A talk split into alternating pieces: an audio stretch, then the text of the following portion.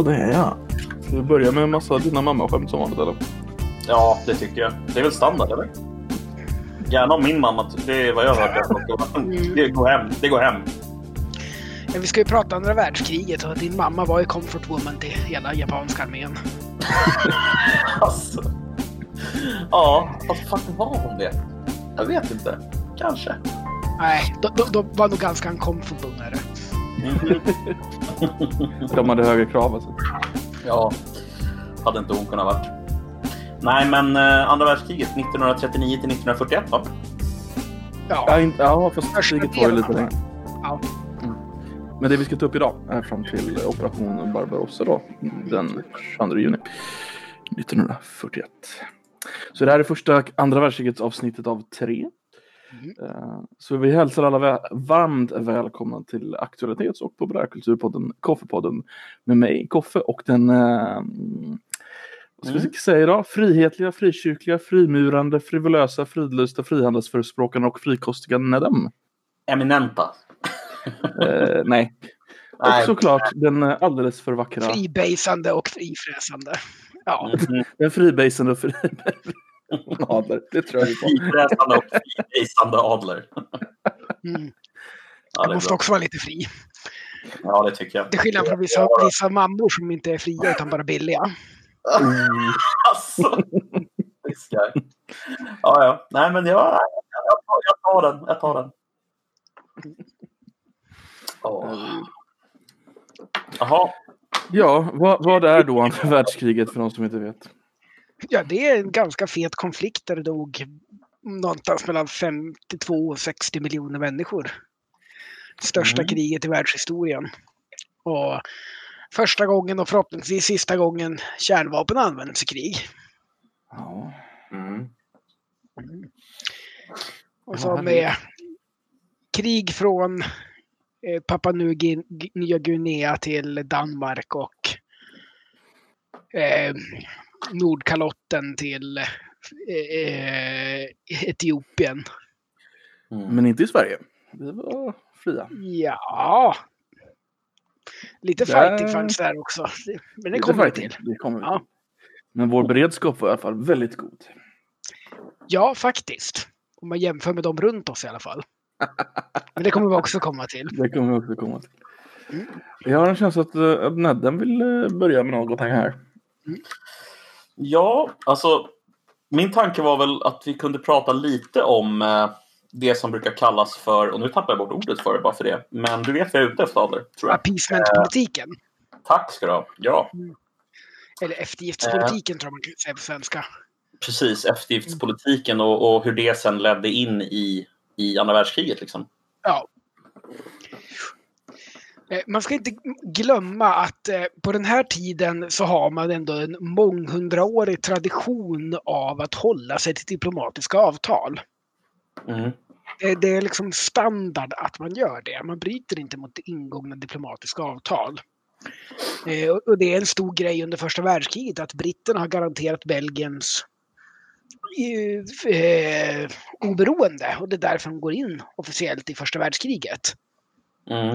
För att man bryter inte mot sitt diplomatiska ord. Det är liksom en, för att då är man sen paria i hela världen. Alltså ingen kommer, kommer överens med en om någonting efter det. Mm. Så att eh, man ska ha det i bakhuvudet när man tänker på att eh, när de västallierade då ger Hitler eh, Tjeckoslovakien eller ger dem Sudettyskland mot att Tyskland inte ska pressa några mer krav. Och Hitler då, eh, bryter mot det ett halvår senare och tar resten av Tjeckoslovakien. Och då inser hela världen att nej, han kommer inte att sluta. Det här kommer inte funka. Så att man, man ska inse liksom att Hitler tar Österrike. Och det är, är ju... Eh, eller först och främst, då har Versaillesfreden. Och 1930, de bryter ju då 1935 mot eh, det genom att marschera in i... Dels genom att starta en värnpliktsarmé, vilket de inte fick ha. Och dels eh, genom att eh, marschera in i renlandet, återmilitarisera det. Mm. Men båda de grejerna är egentligen ganska naturliga grejer för ett land att ha. Att kunna ha trupper på sitt eget territorium och att få ha en värnpliktsarmé. Eh, och tyskarna hade ju Schweizer Reichwehr som var den hemliga delen av armén. Så att de hade i, i praktiken redan en mycket större armé än de fick ha. Mm. Och det var en offentlig hemlighet egentligen 1935, så det var inte så stor skillnad att de återinförde värnplikten. Och 1938 då, i mars, så tar de Österrike och Österrike ville ju redan 1919 vara en del av Tyskland men fick nej på det av ententen då. Att de fick, fick inte vara det och eh, och nu Vad, fick vad de innebar det att de tog Österrike? Alltså, det var ingen militärkonflikt va? Nej, alltså de marscherade in med trupper och anslöt Österrike. Eh, föregåendes ett val som Österrike skulle ha om saken. Mm. Tyskland hade ju velat ta Österrike ganska länge, bland annat Italien hade ju hindrat det. Eh, 1935 genom att marschera upp trupper till Brennerpasset mellan Italien och Österrike. Det är det här som kallas Mm. Eller? Ja, precis. Men det jag vill komma till det, det, det med Österrikes goda vilja. Det är inte... Ja. Det är, ja. eller, eller ganska stor andel av Österrikes befolknings goda vilja, ska man väl säga. Mm. Mm. man gör det. Sen eh, fick de aldrig ha någon folkomröstning om saken för att det var redan biff, tyckte tyskarna. eh, och, eh, men sen då så 1938 så har Mussolini bytt sida och tycker att nu kan ni ta det här. Då. Och då gör tyskarna det. Eh, och sen börjar Tyskland kräva Sudetlandet av Tjeckoslovakien. Och då tycker både Frankrike, alltså Frankrike har lite svårt med politiska enigheten och Storbritannien är jättelångt efter i sin upprustning jämfört med Tyskland eh, och känner att de vill ha ett, en tid till innan krig. Mm. Eh, så att de går med på att tyskarna får ta Sudetlandet och då skriver Hitler på att han inte ska ha några mer territoriella krav i Europa. Och eh, bara då sex månader senare, eller fyra månader senare till och med, eh, så går han ju in och tar resten av Tjeckoslovakien. Mm. Och det är det som är det stora brottet då mot allting. Och då inser, så börjar han kräva territorium av Polen och då inser Frankrike och Storbritannien att nej, han kommer inte att sluta. Och därmed garanterar de Polens försvar och självständighet och på den vägen är det. Mm. Eh, får jag bara fråga en sak? För en av de första händelserna i kriget som jag har förstått, eller Mm. förstått, jag vet att det är det, det är ju då att man går in i Polen och att Sovjet samtidigt går in från andra sidan i Polen. Ja, inte först två veckor senare. Nej, okej, det är två veckor däremellan. Men det är Ja. min fråga där är egentligen bara om du skulle kunna berätta lite om vilka motiv eh, var det som var drivande för den sovjetiska sidan? För jag har förstått Hitlers argument för att gå in där, det var väl Lebensraum och liksom hela den grejen. Alltså, man skulle ju återta territorium när man hade förlorat 1918. mm, precis. eh, först och främst. Sen var ju Polen en eh, fransk allierad och en av eh, sakerna i tvåfrontskriget Tyskland hade haft under första världskriget ville de absolut undvika att få igen. Börja slåss på två fronter samtidigt. Det gick ju Eh, bra. Och där, eh, ja, ganska länge gjorde det ju faktiskt det. Jo. Eh, det var inte förrän 1943 de fick en andra front i Europa. Nej. Eh, Men i alla fall så, eh, och Polen, eftersom det var en väldigt stark fransk allierad, så visste man att man måste slå ut Polen innan man kan ge sig på Frankrike. Annars har man Polen i ryggen. Mm. Och Och hur tänkte Sovjet? Sovjet, alltså många framför att Stalin var brutal diktator och ja det var han, men i sin utrikespolitik var han en paranoid och försiktig opportunist. Mm. Eh, där han eh, skrev på det- han förhandlade ju med de västallierade samtidigt som han förhandlade med Tyskland och se vem som kunde Mm. få mest. Eh, så det Stalin var rädd för det var att fascisterna och demokratierna skulle gå ihop för att slå sönder kommunismen. Eh, och det var han rädd för under hela kriget i princip. Alltså från han tog makten och till andra världskriget tog slut. Och även efter det också. Och det är väl spår av det som hände under slutet av första världskriget antar jag? Ja, dels det, men det, är också hans paranoia. Eh, och den ganska starka antikommunismen som finns både i fascistiska länder men även i de demokratiska länderna. Mm. Eh, och hela den här politiken han för under en del av 30-talet med tredje internationalen och de breda koalitionerna. Eh, där han tycker att jo, men, kommunister kan samarbeta med liberaler och socialdemokrater mot fascister är en del i att försöka splittra då, demokratierna och fascisterna. Mm. Eh, och det är det som leder till då att han, han stödjer, han får kommunisterna i Frankrike att stödja vänsterkoalitionen där och han får kommunisterna jobba tillsammans med de liberala, socialdemokraterna och anarkisterna i Spanien och bilda en regeringskoalition där också. Som då sen blir överkastad och slagen inbördeskrig av Francos eh, högerkoalition av fascister och konservativa och så vidare. Mm. Eh, Hur matchar det med att han skrev på Molotov-Ribbentrop-pakten? Alltså vad han ville göra var att han ansåg ju att förr eller senare skulle det bli en konfrontation med fascisterna. Eh, Därför att de skulle inte låta kommunismen vara i fred. Så fram tills dess ville han ha en bufferzon. Eh, Så han kunde skydda Ryssland och dess industri då, genom att se till att eh, eventuell strid som fördes fördes inte i Ryssland. Eller Vi- Vitryssland eller Ukraina. Eh, och eh, genom att göra det här så splittrar han ju också demokratierna och fascisterna. För att han, då gav han ju Hitler fri hand att kunna slåss med Frankrike utan ett tvåfrontskrig. Och eh, precis som de flesta tyskar, de flesta fransmän, de flesta britter eh, så ansåg han ju att det skulle bli ett långt krig i väst. Mhm. Ungefär som under första världskriget det skulle bli en flera års västfront. Så att han, han tyckte att jag tar det jag vill, bygger upp eh, armén, eh, får en bra bufferzon samtidigt som nazisterna och fascisterna slåss mot de västallierade. Och så kan jag slåss mot den som eventuellt vill göra något mot mig efter de har tröttat ut varandra. Mm. Så, så att, eh, det, därför är det väldigt logiskt att han gör det här valet. Han försöker bygga upp de här bufferzonerna och eh, se till då att de västallierade och nazisterna krigar mot varandra. Eh, Ja, absolut. Så att, eh, var, varje gång man, man tänker på Stalin och hans expansion, det är den här försiktiga paranoida opportunismen. Du skulle säga att det, det är egentligen det karaktäristiska draget för Stalin? Stalin Ja, eh, för Stalins utrikespolitik i alla fall. Mm. Eh, Jag skulle inte kalla honom försiktig opportunist i sin inrikespolitik direkt. Nej, nej, inte direkt. Nej, Så Tyskland invaderar ju Polen den 1 september 1939 och eh, här ska man då föra fram ett par saker.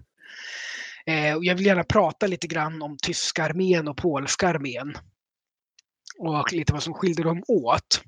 Den polska armén hade erfarenhet från rysk-polska kriget och framförallt den var byggd delvis på Eh, dels på polacker som hade tjänstgjort i kejserliga ryska armén, men huvudsakligen den fria polska legionen under Pilsudski som hade tjänstgjort för Österrike-ungrarna under första världskriget. Mhm. Så de fick mycket av den franska och österrikisk-ungerska militärtraditionen och hade slagits mot Sovjet då 1920. Eh, och hade ju då en armé som var ganska lågmekaniserad. Det skilde den inte mycket från den tyska armén heller vid den här tiden. För tyska armén var inte mer än typ 10% mekaniserad. Polackerna var lite lägre och de hade Eh, man brukar ofta föra fram en polackerna hade omodern armé, de hade kavalleri. Ja, fast kavalleriet var mobilt infanteri. Och den polska Mhm. kavalleribrigaden hade artilleri, den hade pansarvärn, den hade en, en stridsvagnsbataljon Eh, med pansarbilar och tanketter. Eh, och det var tänkt som en rörlig formation att eh, plugga igen linjerna, kanske göra motattacker och eh, trupperna, eh, kavalleriet rörde sig till häst men slogs till fots.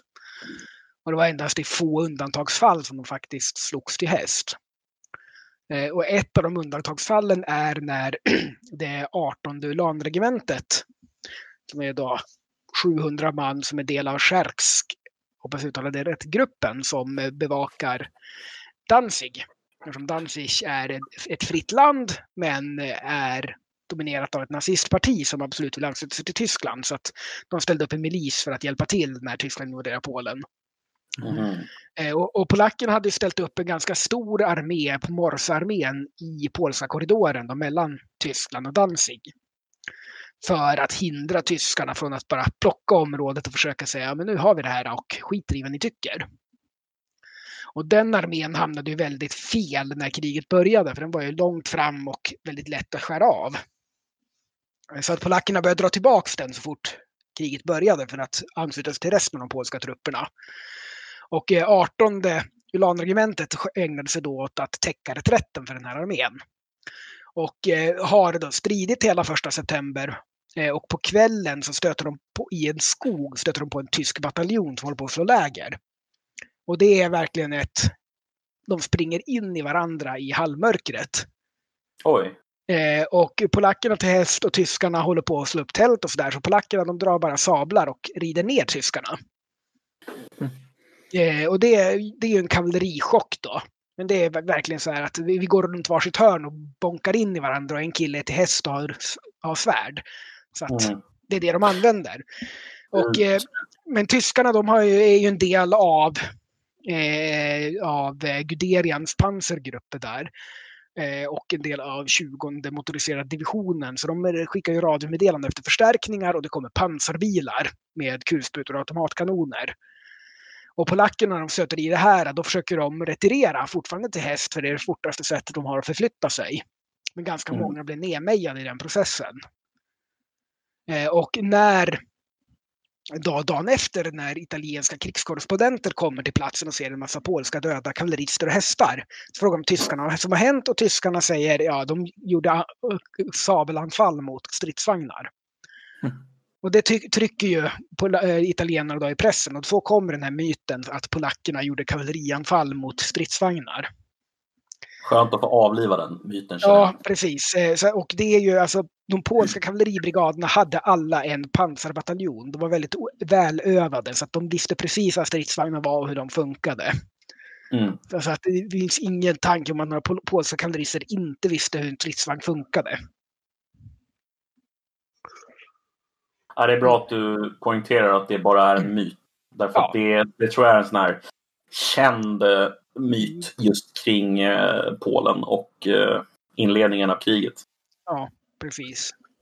En liten udda fråga kanske. De andra länderna de hittills har tagit upp, alltså så Österrike då och delar av... Ja, det var ju ganska fredfullt i förhållandevis. Ja. Men nu är det första krigs, riktiga krigsinsatsen här. Mm. Vad, vad hade de för officiell anledning att gå in i? i... Mm.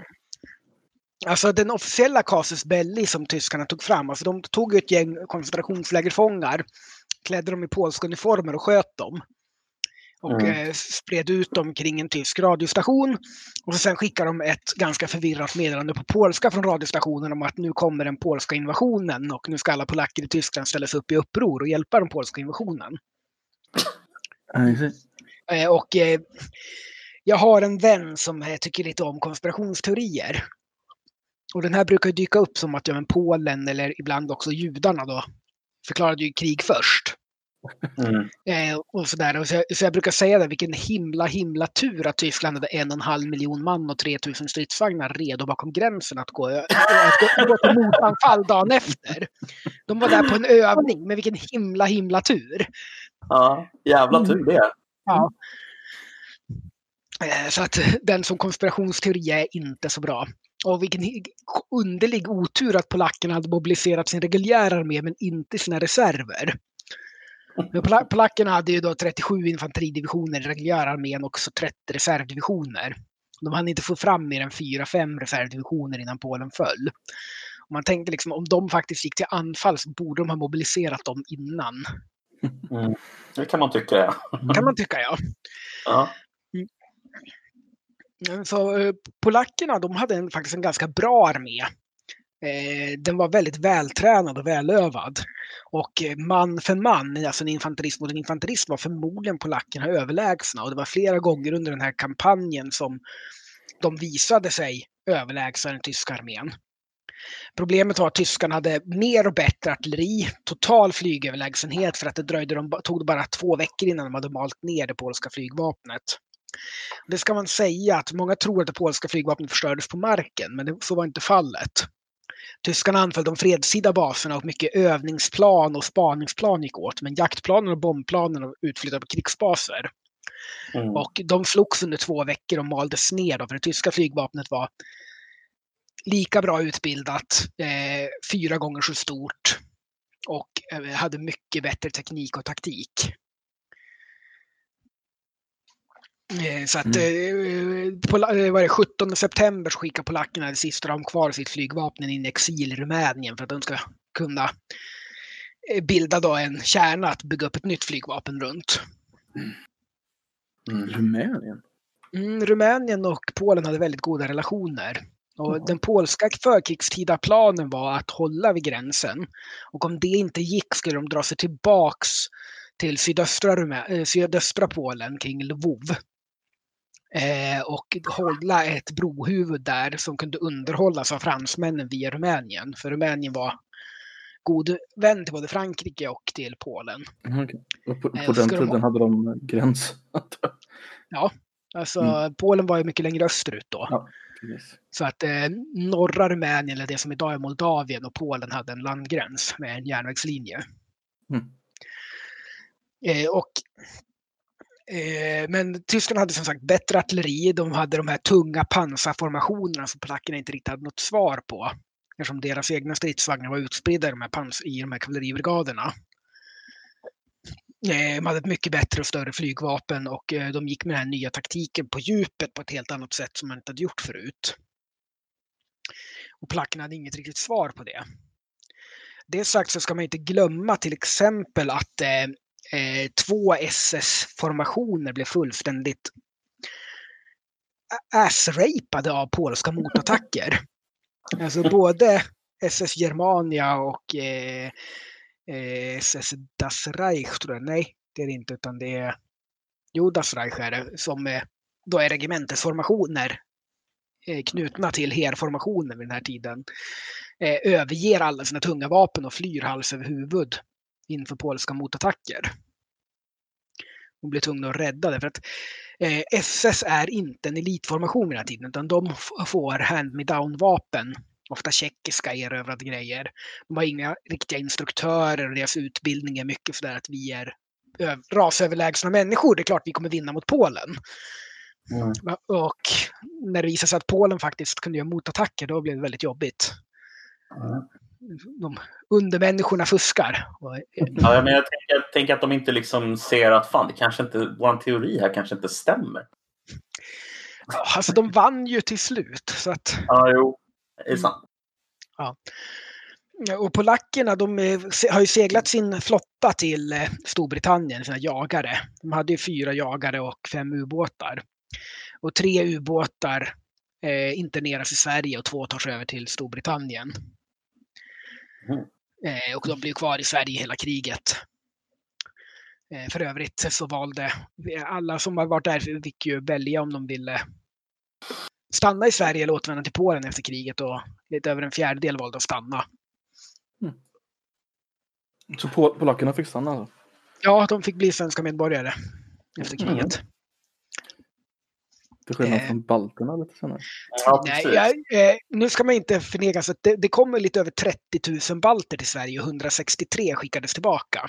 Resten fick stanna ah. och bli medborgare. Så att, eh, de, de balterna som faktiskt blev hemskickade hade väl ett visst kanske nazistiskt eh, Ja, de hade tjänstgjort i tyska armén. Mm. Och var fortfarande i tyska uniformer. Mm. Mm. Eh, så att man, eh, ja, man kan diskutera baltutlämningen men man ska inte glömma att 99 procent faktiskt fick stanna. Ja. Eh, det ska väl komma också till flygplan NICE 1944 men det är näst, nästa avsnitt. Mm. Eh, ja, men Polen faller ju då väldigt fort och i och med att de blir avskurna stora delar av de polska arméerna från det här bro, tänkta brohuvudet nere till sydost Eh, Eh, och att då Sovjet invaderar och det är eh, Stalin blir väldigt tagen på sängen hur stor framgång Tyskland har så fort. Så att den invasion han gör kommer ju ett par, veck, par tre veckor innan han tänkt sig att han ska behöva göra den. Och det kom, eh, går ändå väldigt dåligt och långsamt mot i princip inget motstånd alls eftersom Polen inte har så mycket trupper där borta. Men och var Tyskland färdiga när Sovjet började? Eller de... I, I praktiken, alltså det var ju, de hade ju några småpunkter eh, som de skulle ta tillbaka. Eller skulle ta, så mm. de hade ju inte plockat eh, flottbasen hel då. uppe i polska korridoren och eh, Warszawa hade inte fallit än. Eh, och, och fortet Modlin och en del upprensningar även i Kampinoski-skogen. Men Mm. det, det var ju uppenbart att Polen höll på att falla. Mm. Därför fick Stalin väldigt bråttom. Jag måste ta det jag ska ha, annars kan tyskarna ta det och inte lämna tillbaka det. Och då blir det ingen buffertzon. Ja, just det. Eh, och, men eh, polackerna slogs väldigt bra och eh, man ska inte heller glömma att den första stora allierade offensiven är eh, Besura motanfallet som polackerna gör när arméerna Poznan och Pomorze då, som har blivit rundgångna har slagit ihop sig och kommer att marschera mot Warszawa för att försöka undsätta staden. Och hamnar i floden Besura och gör en stor motattack och fullständigt krossar den tyska 30 infanteridivisionen. Så tyskarna fick flytta då trupperna som höll på att anfalla Warszawa för att slå ner de här istället. Det var inte meningen att de skulle kunna förflytta sig så långt och faktiskt göra ett motanfall när de, när de var omringade. Mm. Eh, och, men eh, fly, vet, de skickade ett, eh, ett antal pansardivisioner och massor av flyg då och slår sönder de här och sen tar sig de dels, del av de här trupperna över floden in i Kampinoski-skogen som ligger väster om Warszawa och så del lyckas slå sig igenom där till Warszawa men det är ganska få. Och, men det är väldigt, befälhavaren i Warszawa hette Rommel. Mhm. Julius Rommel. Man var faktiskt avlägsen släkting till Irvin Rommel. Mhm. Det är lite roligt sådär, what? Rommel? Det tänker man inte att han ska försvara Warszawa 1939. Men eh, alltså, hur nära in på det här sker Katyn-massakern? Det måste vara ganska nära in på det här. eller? Ja, nej, det kommer senare. Alltså Katynmassakern kommer mellan eh, november 39 och februari 40 så skjuter de massa folk Okej. och begraver där. ja. Och det är ju Sovjet som då anser att det här territoriet ska bli permanent sovjetiskt så att de ska eliminera eh, då intelligentian, den polska intelligentian i området. För det område de tog över så var huvudsakligen befolkat av vitryssar och ukrainare. Polackerna var i minoritet i det här området. Och Okej. De tänkte då att de skulle förändra eh, hur mycket motstånd och hur mycket nationalism de skulle få genom att skjuta av den polska eliten. Alltså officerare, politiker, domare, Mm. folk med utbildning och högre tjänstemän och så vidare. Så man skjuter ju ungefär 30, framförallt officerare, då, ungefär 30 000 polacker. Och, och begraver dem då i Katyn. Okej. Mhm. Eh, och det här är ju en del i förryskningspolitiken som Stalin gör i det här området. Eh, en, fråga. Eh, den här Molotov-Ribbentrop-pakten där de delade upp Östeuropa. Eh, hur nära den blev det?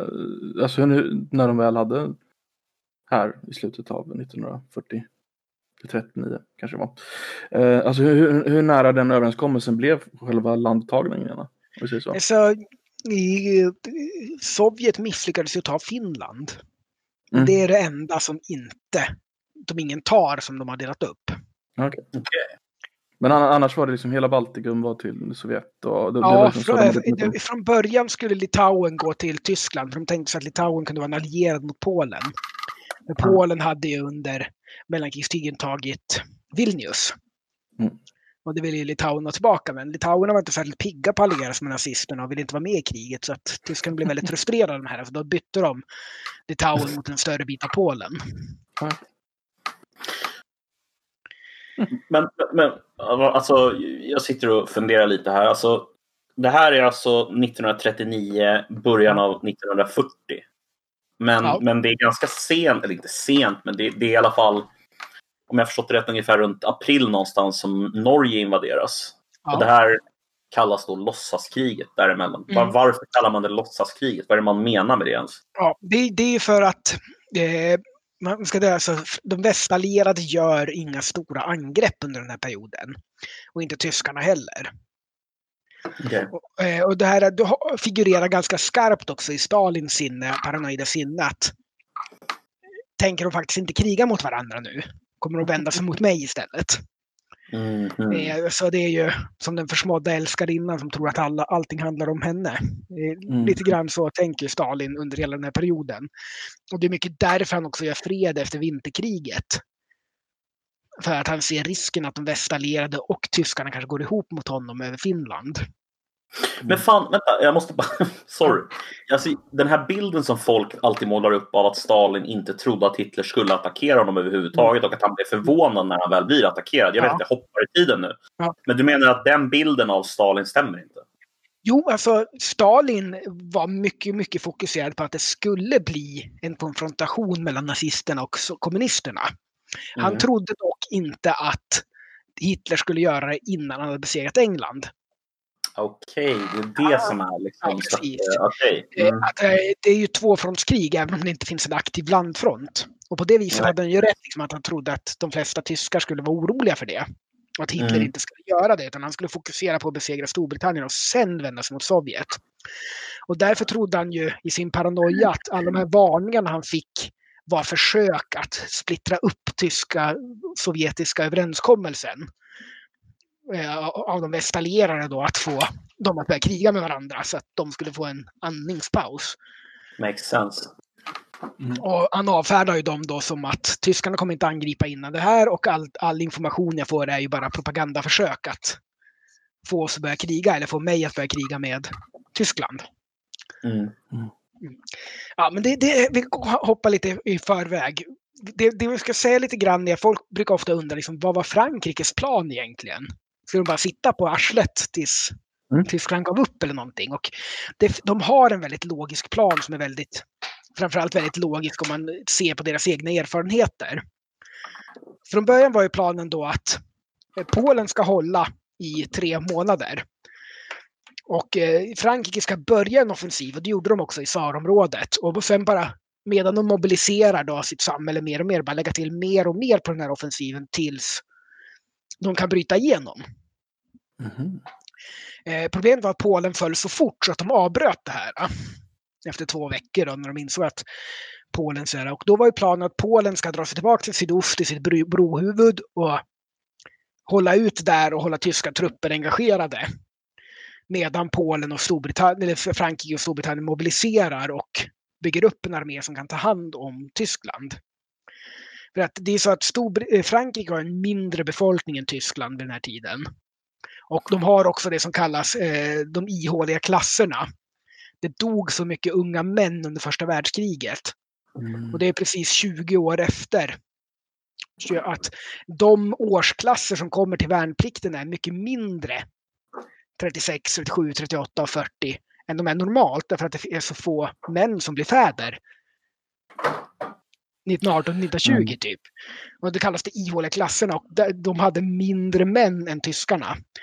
Och eh, de ville verkligen inte återupprepa första världskrigets elände och de ville absolut inte ha kriget på fransk mark.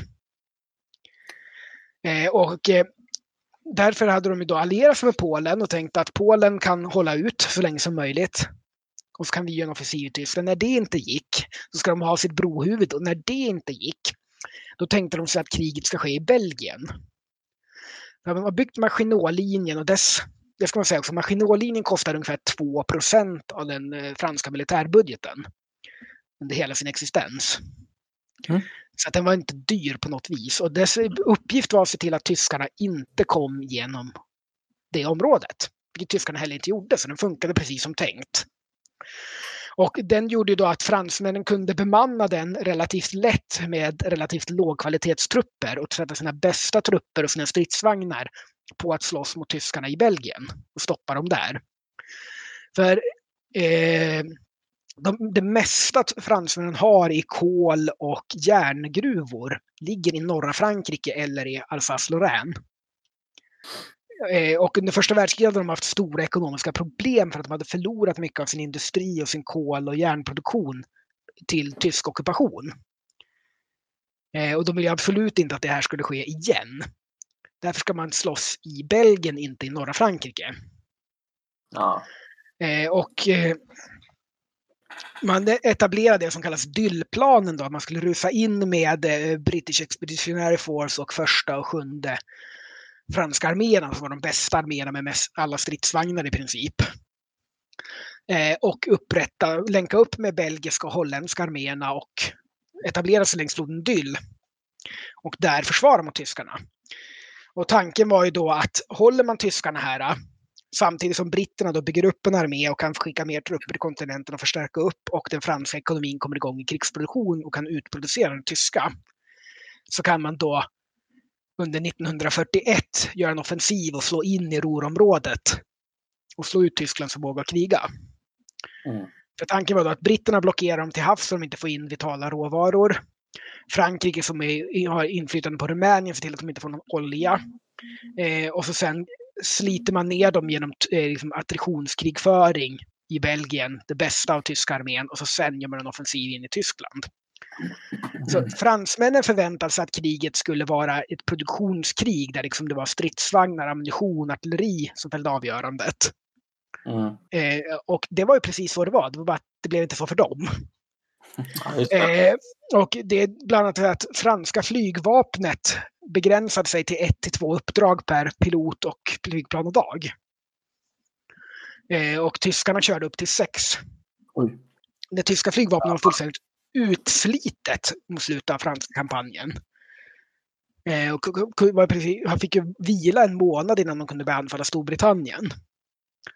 Eh, men under avgörande fasen så försökte fransmännen skydda sitt flygvapen för att kunna fortsätta slåss länge. Medan tyskarna bara sliter ut det fullständigt. Mm. Tyskarna hade också turen att de kunde få tillbaka alla piloter som hade blivit nedskjutna och räddade sig med fallskärm med fin territorium. De blev fritagna. Mm. Hur då? Så de, fick, ja, de tog i Frankrike. Ja, just det. Just det. Så att alla det, krigsfångar, och det var mycket piloter som hade blivit nedskjutna, mm. kom mm. loss. Men de fick tillbaka dem liksom. Ja. ja. Eh, men, men, innan du bara fortsätter, får jag bara, får jag bara backa bandet lite? För att det här mm. händer i juni, eller hur? Mm. Ja, maj-juni. Ja, men innan det här så har man invaderat Norge. Och jag vill bara så här. Jag vill inte att vi ska gå in och prata om Norge i någon detalj, men jag skulle vilja veta om du kunde liksom bara ge eh, anledningen till att man vill plocka mm. Norge. Alltså vad är, vad är liksom... Vi, vi kanske ska backa ytterligare lite och ta finska vinterkriget också, för det är relevant i sammanhanget. Mm. Det kanske det är. Därför att Finland, till skillnad från baltstaterna så vägrar Finland gå med på. För Sovjet kräver vissa gränsförändringar för att skydda mm. ledningen bättre. Och I samband med det kommer de finska gränsfortifikationerna hamna på den sovjetiska sidan. Och på mm. samma sätt kräver de baltstaterna rätt att basera trupper och så sen tar de över dem. Så det är många som tror att det var planen med Finland också, att när man väl hade tagit över gränsfortifikationerna så skulle man gå in och plocka landet. Mm. Men finnarna vägrar och de slåss genom hela det här och gör det väldigt, väldigt, väldigt hårt, som många vet. Och med väldigt mycket svensk hjälp. Vi skickar dem en tredjedel av vårt ammunitionslager, typ 42 miljoner gevärsskott. Eh, vi skickar dem en tredjedel av vårt jaktflygvapen och vi skickar 8000 man frivilliga och väldigt, väldigt mycket vapen. Det till en grad att Sverige har lite problem att ställa upp sina egna trupper sen under april. Men eh, eh och, men här är också att eftersom Finland håller så bra så vänder ju världsopinionen mot Sovjet väldigt, väldigt, väldigt hårt. Och det är förmodligen därför som Stalin sluter fred, för han är orolig. För de västallierade börjar prata om att skicka trupper för att hjälpa Finland. Eftersom Sovjet och Tyskland har in, inte allierade så handlar de ju och hjälper varandra under den här tidsperioden. Och tyskarna mm. hindrar ju aktivt hjälp från att nå Finland. Det är bland annat ungerska och italienska vapen och frivilliga som inte får passera genom Tyskland. Eh, och de västallierade de funderar ju på att föra ekonomisk krig, för de ser på det här långsiktigt och produktionsmässigt. Så de vill ju ockupera de svenska malmgruvorna för att hindra järnmalmsexport till Tyskland. Mm. Eh, och därför tänker de sig då att eh, de ska landstiga i Narvik, åka järnväg över till Finland och eh, hjälpa Finland och Sovjet. Men planen var naturligtvis att stanna halva vägen och ockupera järngruvorna. Eh, och det, det, här pratas det om och det publiceras i den allierade pressen under januari och februari 1940. Eh, och eh, Sverige och Norge säger nej till transistering av trupper, bland annat för att Tyskland hotar inofficiellt Sverige med krig om Sverige släpper igenom allierade trupper. Eh, och Sverige är väldigt nervös under den här perioden därför att Sovjet hatar oss för att det hjälper Finland. De västallierade pratar om att resa genom Sverige om vi går med på det eller inte och tyskarna pratar om att vi invaderar om ni släpper in västallierade trupper. Så man har, som litet neutralt ensamt land har man prospekt att hamna i krig med samtliga stormaktsblock samtidigt. Ja, det låter sådär. Ja, så man svettas ju lite på utrikesministeriet vid den tidpunkten. Vilket också är varför Sverige arbetar så hårt för att få till en fred mellan Sovjet och Finland för att få bort de här hoten. Ja. Mm.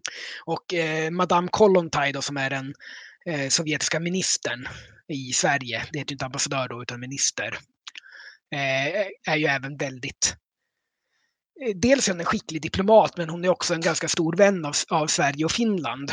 Och lyckas ju få till, hjäl, eh, med hjälp av henne lyckas man få till den här freden. Eh, men i Norge har man ju då det som kallas Altmarkaffären i februari 1940. Att, för tyskarna har ju Graf Spee, en, eh, ett fickslagskepp som de kallar det. Tyskarna själva kallar det Panzerschiffe, men det var egentligen en tung kryssare med slagskeppskanoner på. Som far runt och eh, skjuter sönder brittiska handelsfartyg i Sydatlanten. Och har ju tagit en massa krigsfångar då från de här handelsfartygen och lastat dem på handelsskeppet Altmark. Och Altmark seglar in på norskt vatten och lägger sig där på väg till Tyskland. Eh, och det är ju ett brott mot neutraliteten. Man får inte flytta fientliga krigsfångar över neutral stats territorium. Och Norge misslyckas med att inspektera Altmark och hitta de här krigsfångarna. Eh, men sen britterna får reda på det här och skickar jagaren Cossack, HMS Cossack, att ta Altmark. Och det gör de. De bordar Altmark och det blir strid ombord på Altmark. Men de tar Altmark och befriar de här fångarna. Så att Norge bryter mot neutraliteten två gånger. Dels när de låter tyskarna transportera krigsfångar på norskt vatten utan att inspektera Altmark. Och sen när de inte gör någonting när britterna går in med ett krigsfartyg och tar Altmark på neutralt vatten. Eh, och eh, vid det här tillfället då så eh, förstår båda sidor att Norge gör inte ett skit för att försvara sin neutralitet. Eh, och norrmännen är ju väldigt invaggade i säkerheten att vi behöver bara ha goda relationer med Storbritannien för ingen kan invadera Norge genom Royal Navy. Och det, det här, den, här, den här antagandet genomsyrar det norska civila och militära samhället det finns rapporter om liksom att norska observatörer från norska armén är och tittar på en övning i Sverige i februari 1940 och skrattar åt hur allvarligt svenskarna tar den här övningen. Det var löjligt. Och man ska inte heller inte glömma att erfarenheten är att är du neutral och inte i vägen, alltså du, är du Belgien eller Luxemburg, då är du i vägen för stormakterna. Då funkar det inte att vara neutral. Men alla andra neutrala makter lämnades ju fred under första världskriget. Mm. Eh, så att eh, eh, idén om att man kunde vara neutral och därmed undvika krig var ganska väl etablerad. Men mm. norrmännen gör ju ingenting för att förstärka sin beredskap efter, efter den här incidenten. Ingenting och tyskarna... Alls. Nej, ingenting. Oj. Mm. Fan vad håller de på med? Typiskt ja, norrmän. Precis. Eh, och man ska inte glömma heller att den norska värnplikten den här tiden är 85 dagar. Va? Mm. Och det är samma sak för underofficerare. De har ingen längre utbildning. What? Ja. Det är jättekonstigt ju. Precis. Eh, så att de tjänstgör 60 dagar, ofta lite kortat för helgdagar och sådär. Och sen har de 15 eh, dagars repetitionsövning. Men det är ju perfekt ju. Fan, jag gjorde ju två veckor i lumpen. Alltså jag hade ju kunnat typ varit med i den norska armén. Det hade ju varit ja, nice. Precis. Norge har dessutom inte ett enda pansarvärnsvapen, inte en enda handgranat, inte en enda k-pist, inte en enda pansarbil och de har en stridsvagn med trätorn. Med trätorn också? Ja. Alltså, Som de håller på och testar.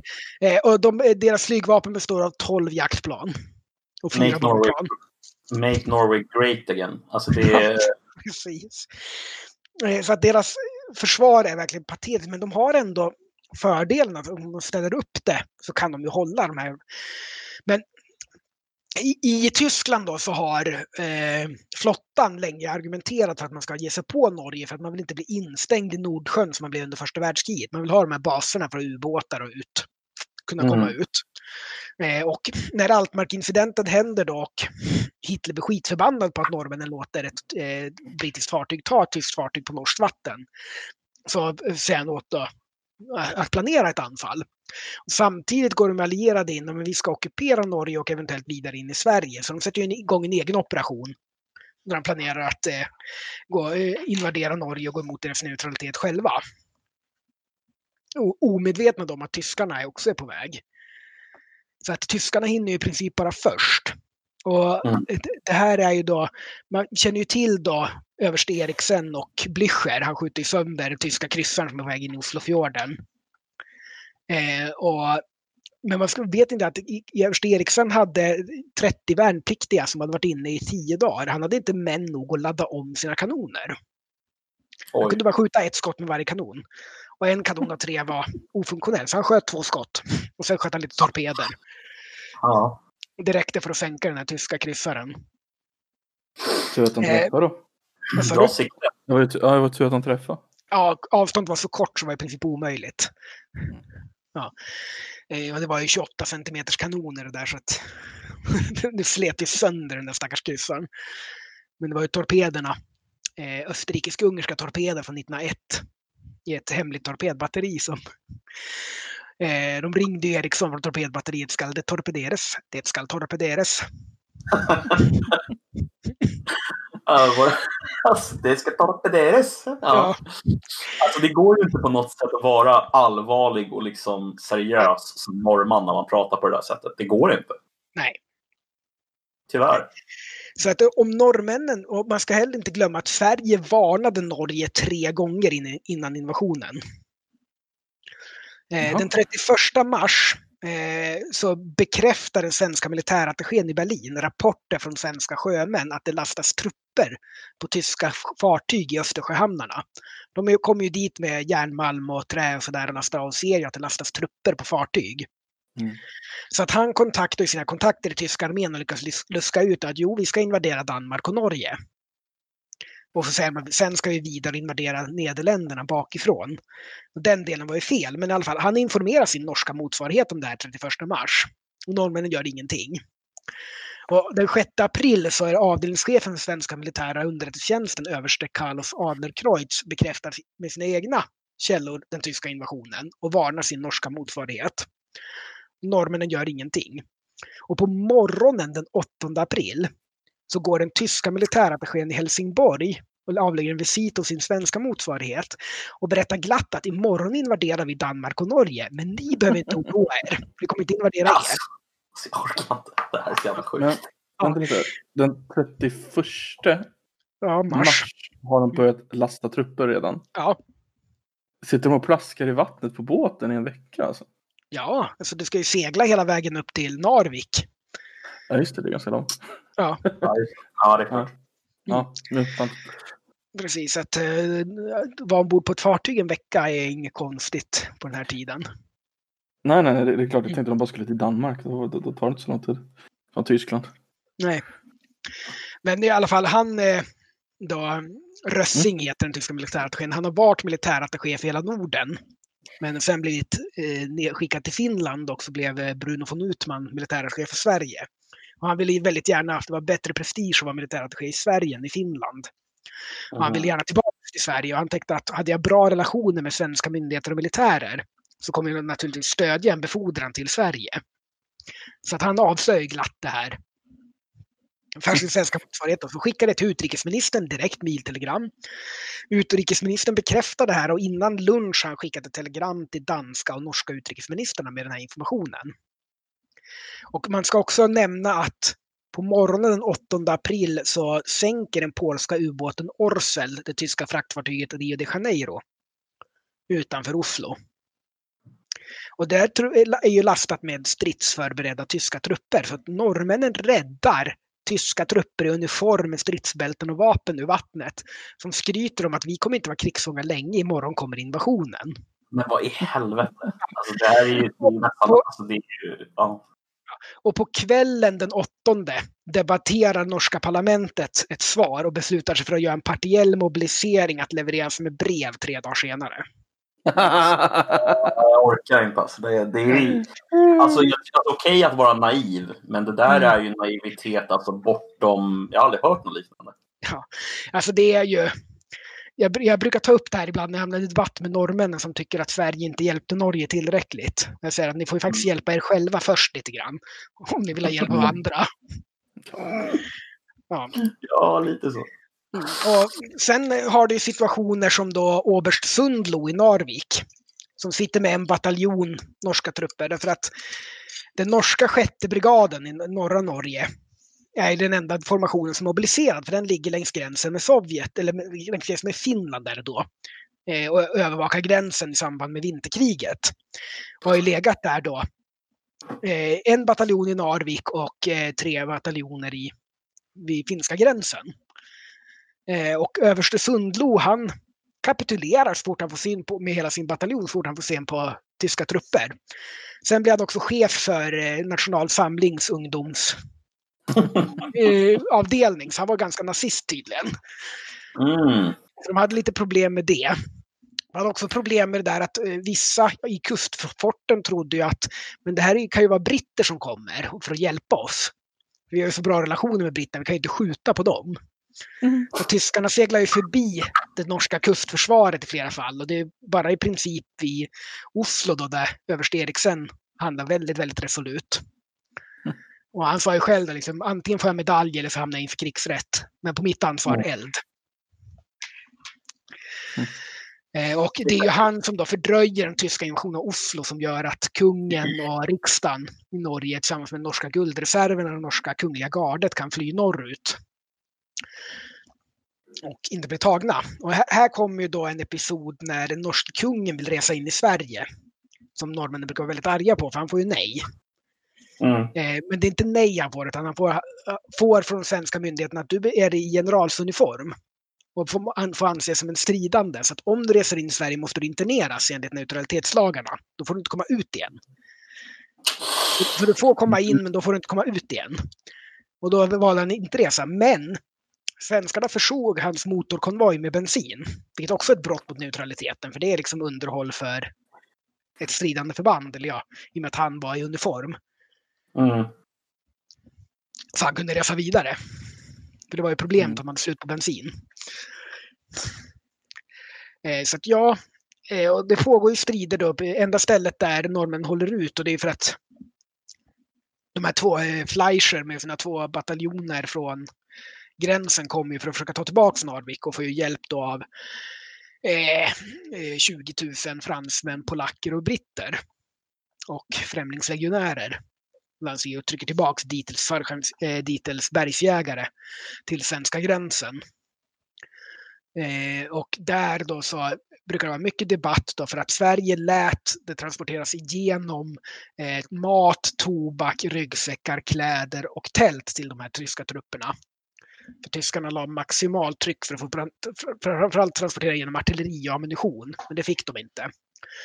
Och man inspekterade de här tågen som gick och man satte en väldigt känd antinazist vid utrikesministeriet som hette Grafström att inspektera det här och han skriver i sin dagbok som är ett väldigt bra bevarat dokument om man vill se lite grann på hur en högre tjänsteman men inte högsta tjänsteman i, på utrikesministeriet såg på kriget och Sveriges utrikespolitik.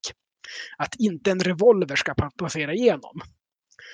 Och tyskarna lägger maximalt tryck. Bruno von Utman, militärattachén, låter svenska regeringen få veta då, eller sina kontakter i svenska regeringen, att ni, nu måste ni släppa igenom ett tåg.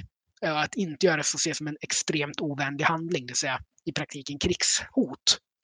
Och regeringen sitter 17 maj i krismöte och bestämmer sig för att ändå säga nej. För att vi kan inte dra över oss Norges eviga fiendeskap. Mm det gjorde vi väl ändå. Enligt många norrmän då. Eh, och man låter också tyskarna evakuera för de här tio tyska jagarna och handelsfartygen som har transporterat de här trupperna till Narvik eh, blir sänkta av brittiska flottan inne i Narviksfjorden. Mm. Eh, och sjömännen och de sårade från striderna får evakuera via Sverige då. Eh, och Sverige släpper också igenom 291 sjukvårdare och Röda Korspersonal. Där det då visar sig i efterhand att 191 av dem har förfalskade papper och är egentligen kulsprutespecialister och spaningspersonal. Mm. Men eh, de, tyskarna försöker ju även då den 23 maj att muta personalen vid Kornsjö station för att släppa igenom ett tåg med ammunition. Och Kornsjö station tillhör en av de få privata järnvägslinjerna i Sverige då. Så de försöker där och de erbjuder eh, stin, jag, stationschefen 30 000 och stinsen och tågklareraren 25 000 kronor var. Oj. Och eh, det är vid en tidpunkt när en industriarbetare tjänar ungefär 10 kronor om dagen. Oh, det Så det är är mycket mycket pengar. pengar. ja. Men eh, det noteras då i eh, Christian Günther, utrikesministern, noterar i sina anteckningar att tågen skickades tillbaka.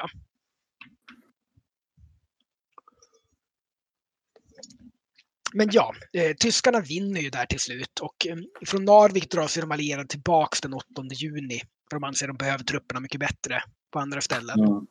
Mm. Och då har ju redan norska regeringen, norska guldreserven och kungahuset evakuerat till Storbritannien. Man ska heller inte glömma att norske kungen var ganska stursk. Han var ju väldigt gammal då. Han har ju tillträtt 1905. Ja. Eh, och eh, när eh, tyskarna då invaderar så går tyska ministern upp och begär att han ska utse Quisling till eh, statsminister. Varvid eh, Håkon då svarar honom kan vi rakt icke ha. Så att det är ju lite sturskhet finns det i norrmännen ändå, i alla fall i kungen där. Mm, det får vi ge dem. Det får vi ge dem. Men, men som sagt, väldigt, väldigt dåligt förberett försvar, både mentalt och utrustningsmässigt. Men ha- hade de bara mobiliserat det de hade eller förberett sig på de varningar de fick så hade de faktiskt kunnat kasta tillbaka tyskarna. Mm. För att det tyskarna satte in var inte A-laget, det var ju reserverat för Frankrike. Eh, 90 procent av de tyska trupperna i Norge hade bara 90 dagars utbildning. Så de hade inte så mycket längre utbildning än norska armén. Det matchar ju. Eh, Men de hade mer kulsprutor, de hade handgranater, de hade pansarvärnskanoner, de hade eh, medeltungt artilleri, vilket norrmännen inte hade. Eh, Och de hade ett fåtal stridsvagnar också som norrmännen hade väldigt mycket problem att göra något åt. Mm. Men ja, eh, om vi ska återgå då till Frankrike och deras plan för att segra där då. Mm. Och den här planen kommer ju på skam då för att tyskarna, man, man ska heller inte glömma, det finns Mechelen-incidenten då som i januari 1940 så kraschlandar ett tyskt plan i Belgien. Som har hela den tyska invasionsplanen ombord. Wow. Mm. Det är strikt förbud naturligtvis att föra med sig kartor och planer på flygplan, men det har de här stabsofficerarna skitit i. Och de har lyckats kra kraschlanda i fel land också. Och det är ju den orgi tyska originalplanen att gå genom Belgien som de gjorde under första världskriget. Så att, och den förstärker ju fransmännen och belgarnas syn på att ja, men det är så här det kommer att bli. Och det är då tyskarna, när de, när de förlorar den här planen som de går med Mansteins Sichelschnitt, alltså det här avancemanget genom Ardennerna. Eh, och eh, byter då. Eh, fransmännen anser att Ardennerna är inte möjligt att, alltså de anser ju visst det går att slåss i Ardennerna och det går att använda stridsvagnar i Ardennerna, men det går inte att sätta in en stor mekaniserad offensiv med många pansardivisioner genom Ardennerna. Varför anser de detta? För att det är för tät skog och för dålig infrastruktur. Eh, och att det skulle ta för lång tid att trycka igenom så många fordon genom den här skogen på den dåliga infrastrukturen. Mm. Och de hade ju då kavalleridivisioner som skulle eh, då ha, vara screen, eller vad heter det? Eh, spaning och skärm, en skärm mot tyska avancemang i Ardenneskogen. Men de var inte kapabla att hålla emot de här tunga pansarformationerna. Och det tyskarna gjorde var ju att ge sina trupper väldigt mycket amfetamin. Mm. Så att de höll igång fem dygn i sträck och tryckte sig igenom Ardennerskogen på ett sätt som fransmännen inte tänkte var möjligt. För att eh, trupper ska normalt inte vara stridskapabla efter fem dygn vakna. Eh, Nej. och, Men alltså gick de verkligen genom skogen? Det var inte små, små leder i alla fall. Utan det var verkligen alltså, det var ju vägar, Mm. som vanlig grusväg liksom. Det grusväg. gick ju att köra Okej. stridsvagnen. Men pro- problemet var ju att eh, normalt om du liksom måste sova och sköta så där kommer det Mm. ta så lång tid att få igenom så mycket trupper med så mycket fordon genom en sån region att fransmännen tänkte att då hinner vi skicka in bombplan, spränga broar och förstärka upp om det händer. Mm. Men tyskarna gjorde det mycket snabbare än de räknade med. Okej. Man hade inte räknat med amfetamin helt enkelt. De hade inte räknat med amfetamin, de hade heller inte räknat med Auftrags taktik. Och Här ska vi prata lite grann. Alltså på 30-talet, tidigt 30-tal så inför tyskarna det som kallas Auftrags taktik, alltså uppdragstaktik. Där man ger lägre officerare och underofficerare väldigt, väldigt mycket autonomi. Att själva lösa problem på plats. Eh, och man säger att ni ska ta er till den här punkten eller ni ska ta det här. Och sen låter man dem själva lösa det. Eh, Men även att man ger dem mycket flexibilitet i att själva besluta om de vill göra en attack eller en motattack eller dra sig tillbaks och så vidare. Vilket skapar en mycket snabbare flexibilitet nere på fältet. När många andra arméer är sådär att vi kan inte gå till anfall här eller göra det här för att då kanske vi exponerar flankerna för våra kompisar till höger och vänster. Så vi väntar på order. Mm. Eh, Och eh, Auftrags taktik är väl i princip standard i moderna arméer idag. Eller man påstår det, det är inte alltid så det är det, men man påstår att det är så. Jag vet, bara en snabb sån här, ja, i förbifarten. Sverige är rätt duktiga på det idag, har jag hört. Ja, Sverige, eh, det jag hör när jag pratar med folk som är i försvaret så där är att Sverige är ett av få länder som faktiskt verkligen använder Auftrags taktik. Mm. Ja, det har jag Ameri- bland, bland annat amerikanerna påstår att de gör det, men de gör inte det. För det är mycket övervakning och Mm. agerande mot order och så vidare. Precis. Och eh, det man ska säga om tyska armén vid det här tillfället är att den är väldigt, väldigt, väldigt bra. Just den här kombinationen av uppdragstaktik och att man har byggt upp en ny armé i princip obunden av gammal tradition. Med ny utrustning och nya vapen. Och att man har man invaderar Polen och tar Polen och vinner det krigfältet. Men, och det är en av de största saker man ska erkänna för tyska armén, att de vinner Polenfälttåget väldigt stort.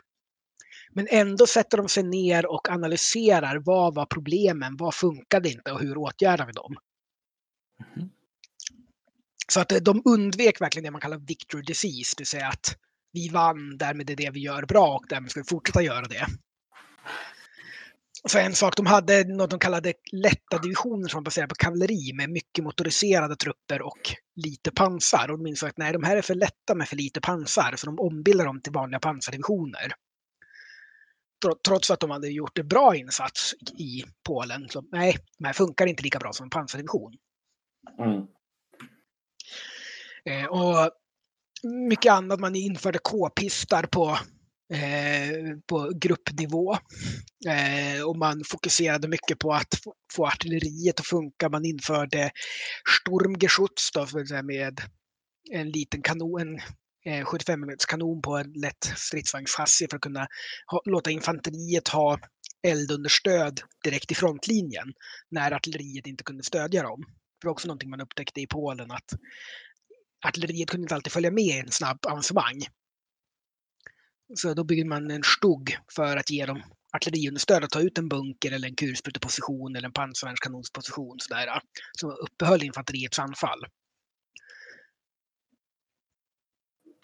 Eh, så att eh, det gjorde de väldigt, väldigt, väldigt bra.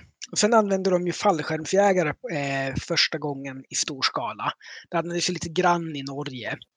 Men man släppte ner dem över alla flygfälten i Nederländerna och man tog det, eh, det belgiska fortet Ebenemael, jag uttalar förmodligen det fel, med en eh, attack av eh, luftvärn, fallskärmsingenjörer. Och det eh, skapade kaos i det belgiska försvaret. För det var ju tänkt att det där fortet skulle hålla så att belgiska armén kunde formera sig vid linjen. Då kom ju tyskarna dit mycket tidigare än det var tänkt. Mm. Och helt, mycket kring det här äh, franska fälttåget är att tyskarna kommer mycket tidigare än tänkt.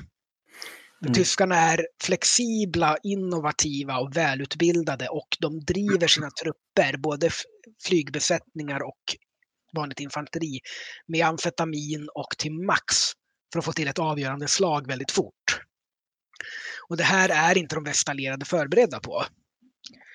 Och eh, man ska säga så att den franska armén ansågs vara världens bästa och de hade en extremt bra artilleridoktrin.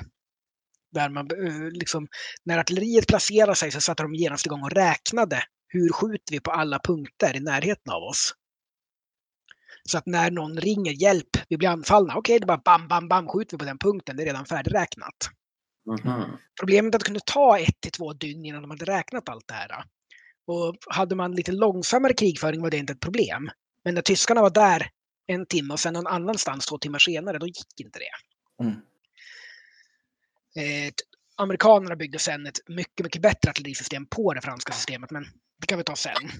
Får jag fråga en snabb sak bara om amerikanerna? Alltså, i, I det här läget så amerikanerna är inte en del av kriget givetvis, men alla är väl, alla är väl någonstans medvetna om att amerikanerna har en produktionskapacitet som överstiger alla andras, eller? Lite grann sådär. Alltså, amerikanerna har ingen militär produktionskapacitet vid den här tiden. Nej, men man har en industriell produktionskapacitet som ja. går att ställa om. Det måste ju folk förstå, eller? Ja, men de, eh, många tror att för att eh, under första världskriget så hann amerikanerna aldrig riktigt få igång sin egen militärproduktion. Den kom inte igång förrän kriget var över. Så de slogs ju mycket på brittisk och fransk utrustning under själva kriget. Eh, och eh, eh Många tänker sig då liksom att, eh, och framförallt är Japans tankar också när de går i krig där, att vi kan vinna kriget innan USA hinner ställa om sin produktion. Okej. Okay. Mm. För att det tar tid. Mm. Eh, och sen inser man att hoppsan, eh, 1944 har USA själv hälften av världens BNP. Mm. Och då är de fortfarande Oj. inte riktigt på full kickapacitet än. Mm. Ja.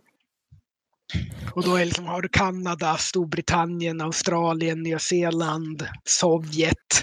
Att de inte alls har någon produktion att nysa, att sniffa på näsan åt heller. Nej. Ja.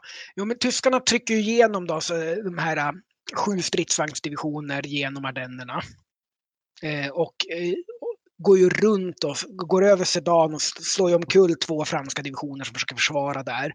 Och sen driver de hela vägen till kanalen. Och eh, de brittiska först, eller förlåt, brittiska British Expeditionary Force, belgiska armén och första och sjunde franska arméerna hamnar i en ficka då. Där de eh, är eh, väldigt avskurna och framförallt de, de här britterna och fransmännen är ju väldigt mekaniserade. Det är deras bästa och mest mekaniserade trupper. De blir beroende av bensin och underhåll som de nu är avskurna från. Eh, så att de drar sig tillbaka då. Eh, för, och belgiska armén offrar sig i princip för att de ska kunna retirera till Dunkirk. Där britterna evakuerar sina trupper. Och eh, ska sägas 200 000 fransmän också. Men de får ju lämna kvar all utrustning och efter det har fransmännen dels blir de väldigt demoraliserade av det här. Deras bästa trupper är helt utslagna. Dels har de ingenting att sätta emot riktigt när tyskarna sen anfaller söderut efter det och tar resten av Frankrike. Och så faller Frankrike. Mm. Ja, så faller Frankrike. Mm. Så det, är, det är strategiskt felbeslut, långsiktigt tänk som var vettigt om mm. Frankrike inte hade fallit så fort. Och eh, en mm. fullständigt vettig politik som tyskarna bara satte, lyfte upp och ner och använde som sparbössa i princip. Men man, mm. de satte i alla fall inte in kavalleri mot pansarvagn. Nej, jag vet, det gjorde ju fransmännen. Sorry, kan det inte bli. Um. Sätt dig och snurra på en torr kaktus du. Ja, ja. det är en riktig adlerförolämpning. Jag älskar dina förolämpningar Adler, jag vill bara ha det sagt. Ja. Ska vända ut och in på det och doppa det i livejuice. Ja, exakt. Tack. Tack. Mm. bra. Ja. Mm. Eh, och eh, det är väldigt mycket, man ska inte, folk glömmer lätt att Frankrike var en av världens mest avancerade ekonomier 1940. Det var en av Mm. världens rikaste länder och en av de mest industrialiserade länderna i världen. Och att plundra Frankrike finansierade väldigt mycket av Mm. eh, tyska expansionen. Och Frankrike då som också hade varit, om säger inte överherre, men ändå den som exporterar vapen och militär erfarenhet och är den utrikespolitiska hegemonen i Europa under mellankrigstiden som då var segerherren i första världskriget försvinner ju då. Det skapas ett vakuum på Balkan där då Rumänien som känner sig pressat av Ungern och Sovjet, de har fått avträda territorium till båda, bjuder in tyskarna för att garantera resten av eh, sitt territorium och därmed blir en klientstat till Tyskland och Tyskland får access till den rumänska oljan utan att behöva betala med guld. Så att det är eh, och eh, Mm. fransmännen då som har tagit hand om den belgiska guldreserven och skickat den till Dakar i Västafrika går ju med på att skicka den till tyskarna. Eh, Så att tyskarna får ju stora delar av de belgiska och nederländska guldreserverna. Och det är det de betalar mycket av sin import med. Och här Mm. ska vi ta ett litet sidospår för att det är innan tyskarna då får det här inflytandet i Rumänien i oktober 1940 så får de ju betala för importen av rumänsk olja med guld eller industriprodukter eller vapen. Och det är en tidpunkt på våren 1940 när tyskarna var tvungna att exportera vapen. De exporterar luftvärn till Grekland och de exporterar jaktplan och eh, kanoner till Schweiz. De exporterar gevär, pistoler, kulsprutor och artilleri till Sverige. De exporterar bombplan till, och artilleri till eh, Jugoslavien, de exporterar till Grekland, till Turkiet, till Rumänien. För att de har slut på pengar att betala för de importer de behöver. Och det de importerar är ju dels koppar då och eh, järnmalm från Sverige och Finland. Men de importerar även wolfram från Spanien och Portugal. Ja, nu vet inte om glassbilen hörs här i bakgrunden. Kommer och frestar oss här i sommarvärmen. Vi lurar små barn, vi lurar små barn på deras äckopeng. Ja. Eh, ja. Jag vet inte om ni har hört Eddie Izzard. Eh, Nej, det har jag inte gjort. Eh, han har en sketch om hur dåligt förberedda britterna var på andra världskriget och då har han att tyskarna kom med stridsvagnar och vi, hade, we, we ran the fucking ice cream truck at them. Because that's what we had. Och den, köra den, den melodin de har och så här fuck off nazis.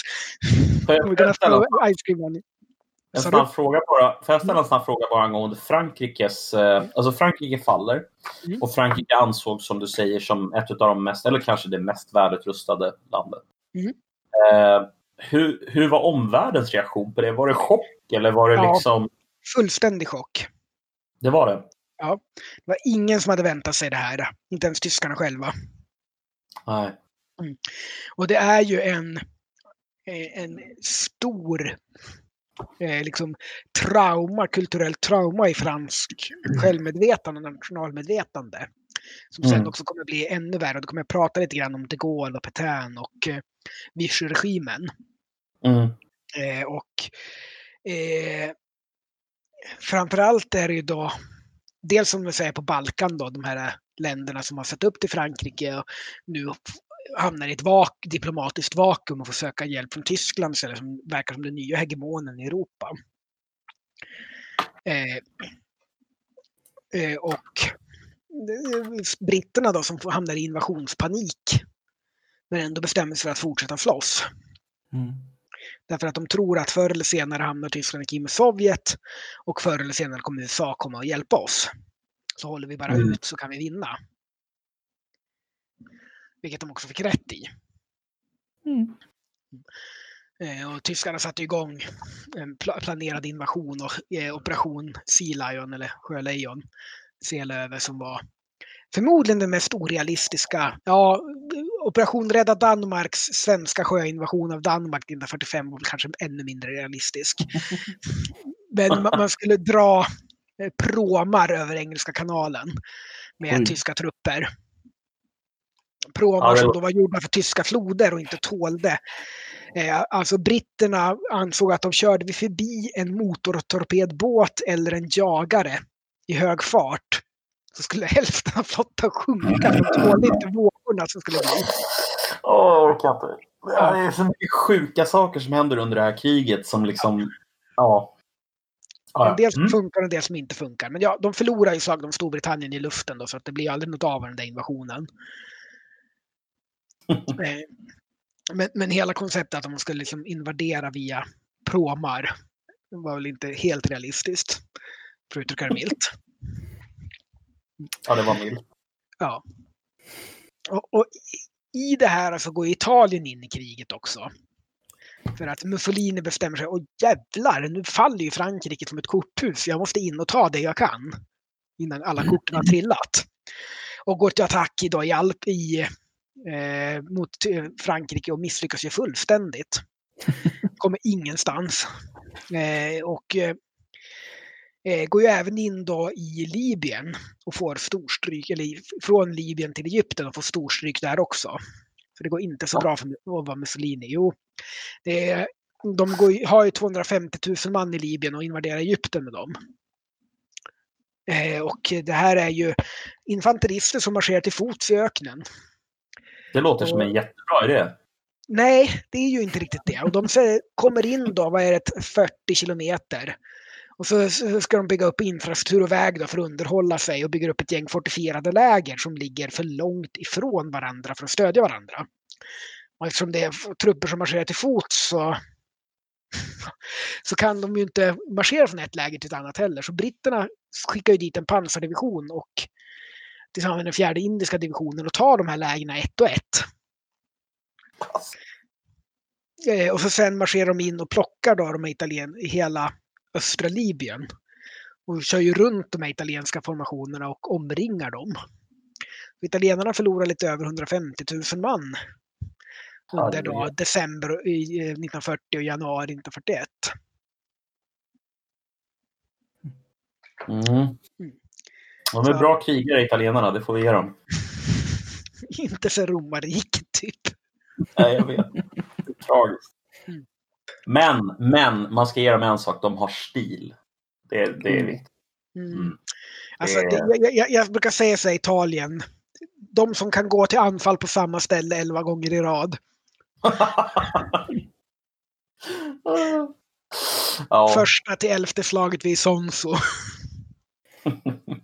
var det det vi pratade om när vi pratade om första världskriget? Ja, det gjorde vi precis. Herregud. Ja. Eh, Och britterna går ju även och bomb, skickar in några torpedplan med, med hangarfartyg och bombar de italienska slagskeppen i Taranto och sänker dem. Så de, eh, vad är de går in med typ eh, 20 eh, dubbeldäckade torpedbombare och sänker fyra italienska slagskepp. Var är vi någonstans nu? Ungefär juli, augusti 2000, eller vad säger jag? 1940? 2000 var jävlar. Ja, det hade varit väl 2040. S- Sitter och dagdrömmer så här. Lite Mhm. framtidsplaner kanske? Men det måste ju vara November någonstans 1940. där. November Ja. 1940 gör de där.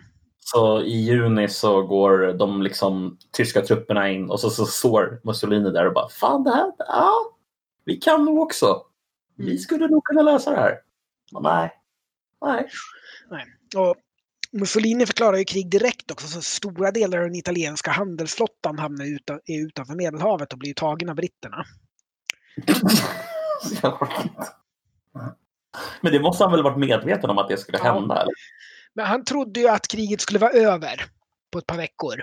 Att liksom Frankrike höll ju på att kapitulera för att då skulle britterna också sluta fred, så då ska han ju få tillbaka alltihop. Han ville ju Ah, bara okej. liksom hinna in i kriget innan det var över så han kunde vara med vid fredskonferensen som någon som hade i alla fall gjort någonting. Mm. Mm. Stort ego.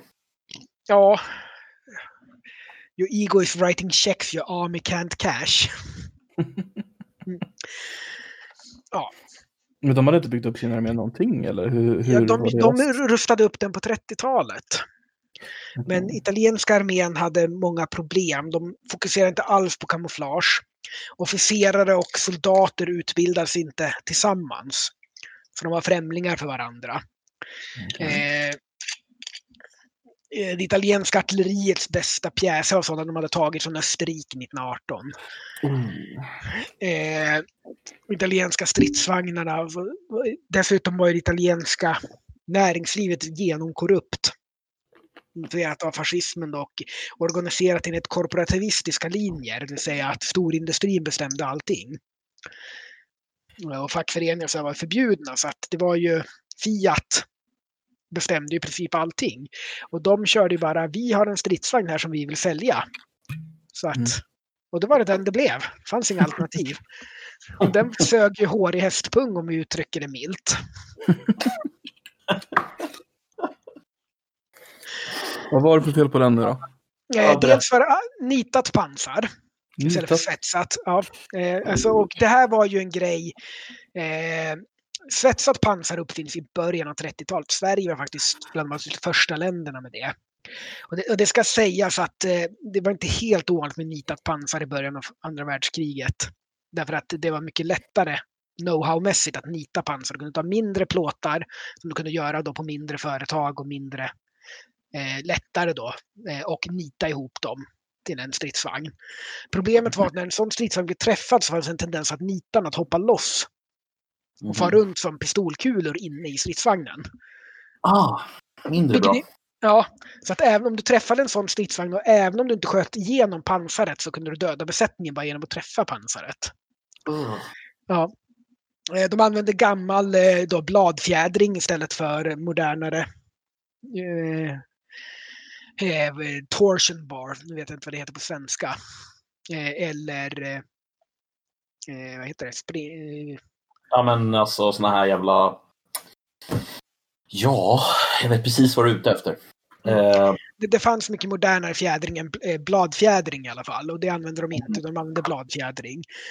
Eh, och de hade ganska tunt pansar, de hade väldigt svaga motorer för deras fordons och flygindustri kunde inte förse dem med starkare motorer. Så att de italienska stridsvagnarna hade en hög profil, nitat pansar, tunt pansar, var långsamma och hade dålig fjädring. Mm. Eh, och eh, det var sådär, det här var en bra stridsvagn 1934 sådär. Men 1941 var det inte alls lika bra. Den viktiga frågan av det här, var det en snygg pansarvagn? Inte ens det. Nej, okej. Okay. Jag, trodde jag trodde bättre om italienarna, men okej. Okay. Mm. Mm, alltså, de gjorde mot slutet av sitt krig, 1943, gjorde de en snygg stridsvagn som hette P40. Mm. Eh, ja, men, nej, men. Okay. Mm, eh, kanonen var helt okej. För det var en österrikisk kanon. Österrikiska Böhler gjorde en pansarvärnskanon som italienarna förbättrade. Och eh, vid Ansaldo då, och den var en väldigt bra lätt kanon som sköt bra. Den hade de i stridsvagnarna också. Den var helt okej okay fram till typ 1941. Okay. Problemet är att italienarna får fram sina första riktiga stridsvagnar väldigt sent 1940. Eh, och innan dess har de bara tanketter som är små plåtlådor med två kulsprutor och de har inte så mycket effekt. Nej, inte mot en pansarvagn. Nej, precis. Och det, de har ju 200 sådana i öknen och britterna kör ju runt dem med Matildor som har 80 mm frontpansar. Då när britterna satte in dem i, i Nordafrika fanns det inte ett enda vapen i hela Afrika som kunde slå sönder dem. Nej, alltså, alltså, en sak som bara slår mig som jag vill säga så här i förbifarten, det är att man får ofta bilden av, i alla fall när man kollar på filmer eller när man kollar på dokumentärer, alltså att, att krig utspelar sig i någon slags eh, perfekt utopisk värld där allting sker liksom produktionen är bra och liksom allting går på rätt sätt och folk tänker rätt och sådär, även om de misslyckas med att vinna. Men så är det verkligen inte. Alltså, nej, nej. det är totalt kaos bara. På alla sidor hela tiden, inklusive de som är bra och vinner. Exakt. Det är bara, det är bara liksom ett oorganiserat kaos. Mm. Där ibland har vissa sidor tur. Eller mm. har man eller ja, tur är, luck is a residue design som man brukar säga. Jo, jo, absolut. Mm. Men, men det är någonstans liksom en fråga, tror jag, om så här, mängden pengar du spenderar på eh, liksom vapenindustri behöver inte nödvändigtvis korrelera med hur liksom välfungerande den är. Men det är klart att det spelar roll, men alltså det är mycket andra saker som spelar roll också verkar det som. Ja, absolut. Pengar. Det är, jag har faktiskt en kompis som studerar eller eh, håller på doktor, han har doktorerat i freds och konfliktforskning vid Lunds universitet. Mm. Som skrev en, eh, sin doktorsavhandling om eh, militär kultur och hur det påverkar. Okay. Under Wilhelm Agrell? eller? Det vet jag faktiskt inte. Jag har boken i bokhyllan. Han skickade mig ett exemplar. Vi diskuterade mycket innan han valde ämne. Mm. Han jämför bland annat eh, amerikanska och tyska ubåtsvapnen som hade mycket samma problem med torpeder och sådär i början av kriget. Mm. Amerikanerna gick det jättedåligt för i början innan de skärpte sig och tyskarna gick det bra för trots att de hade det här problemet. Och vad är de kulturella skillnaderna då som skapar de här problemen? Mm. Ja, det är en jätteintressant, eh, alltså det är verkligen jätteintressant. Mm. Kanske inte rätt forum för det just nu, men det är, det är i alla fall en jätteintressant diskussion. Absolut. Eh, ja, i alla fall. Sen ska vi, vi återvända hemåt lite grann och prata Sverige under den här perioden. För här har mm. vi den, den, värsta tiden för Sverige. Man pratar om eftergiftspolitik mot nazisterna och det som det har varit mycket kritik mot på senare år. Eh, och eh, något som folk ofta glömmer i det här är att Sverige knäckte de tyska koderna i juni 1940. Eh, och mm. mm det, professorn, matematikprofessorn. Ja, professor. professor Arne Borgling vid Uppsala universitet. Och han avsåg aldrig riktigt hur han gjorde det där. Men tyskarna hade ju en variant av Enigma. Geheimfernschreiber. Eh, som var Siemens och Haskell T52 tror jag den hette. Eh, som de eh, funkade som Enigma men han knäckte den. Och Sverige läste 90-95 procent av de tyska meddelandena mellan Norge och kontinenten. För att tyskarna när de invaderade Norge hade de krävt av Sverige att Norsk Radios avtal med Sverige om att använda telegraf och telefonlinjen ner till kontinenten skulle få gå kvar. Mm. Okej, okay, sa Sverige då, så kopplade man in sig och lyssnade på det där. Och så knäckte vi koderna. Och det var ju samma maskin som användes för diplomatpost. Så vi läste ju även den tyska ambassaden, eller legationens då, meddelanden till och från Tyskland. Mm. I alla handelsförhandlingar och sådär så visste vi ju vad de hade fått för instruktioner. Får jag bara fråga en sak angående den här krypteringsmaskinen som de använde? Alltså den som de knäckte i Bletchley Park.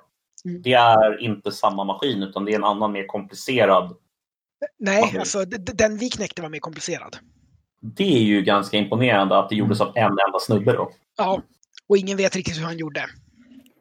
Det är ju otroligt. Ja, alltså det var ju baserat på att vissa av de tyska radiooperatörerna var lata och använde samma nyckel flera gånger. Normalt skulle ja. de sätta ett, ett, ett, nytt läge varje gång. Och då skulle bara liksom varje medlem ha ett eget krypto. Men eh, det, dels var de lata och dels brukar de antingen börja eller avsluta varje medlem med HH för Heil Hitler. Mm. och, och har, har, man, har man, någon, nej, precis. Och har man någonting sånt i krypto, liksom att du vet att det alltid finns det här på det här stället, så blir det mycket mm. lättare att lösa resten. Givetvis. Mm. Mm. Herregud, ja. Mm. ja. Precis, alltså tyskarna är inte riktigt den här supereffektiva, väloljade allting. Jag tycker vi, vi, kan slå hål på den myten, tycker jag, en gång för alla här och säga att nej, det, nej, Tysk effektivitet? Nej. Ja, alltså det finns lite grann, men det är inte alls på den nivån som folk tror. Mm. Ett, ett, exempel är liksom att tyskarna införde inte krigsekonomi och krigsproduktion förrän 1942. För nazisterna var väldigt rädda för att reducera eh, produktionen av konsumtionsvaror. Att eh, vara rädda för opinionen, att folk skulle bli arga för att det blev brist på grejer för att det var krig. Så att eh, man kan notera att under hela 1940 då producerade tyskarna eh, 1588 stridsvagnar. Och det producerade fransmännen producerade 1488 under de första fem månaderna. Och det visar en del hur fransmännen var på väg att gå om tyskarna i krigsproduktion. Och det var deras plan att bygga väldigt mycket stridsvagnar och flygplan och kanoner. Och Sa du 1488 stycken? Ja. Mm, Okej, okay. bara... Fra fransmännen var, alltså, byggde 100 stridsvagnar mindre på fem månader än vad tyskarna gjorde på hela året. Jävlar. Mm. Så att det, deras plan var att producera dubbelt eller tre gånger så mycket som tyskarna och på så sätt vinna kriget. Mm. Det var de på god väg att göra när tyskarna kom och sa hej, nu kommer vi ut ur skogen här. och bara, liksom bara tuggande käkar. Bara... Ja, bara, är amfetamin för helvete! Ja, herregud. Ja.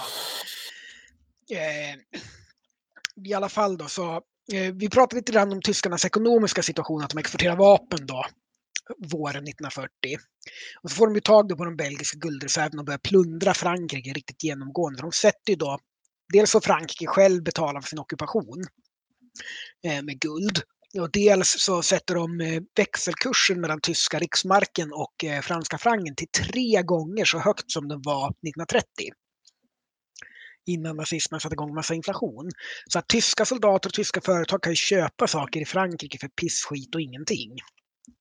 Mm. Så det, på det viset så gör de en systematisk eh, utplundring av Frankrike som finansierar mycket av Barbarossa-fälttåget sen.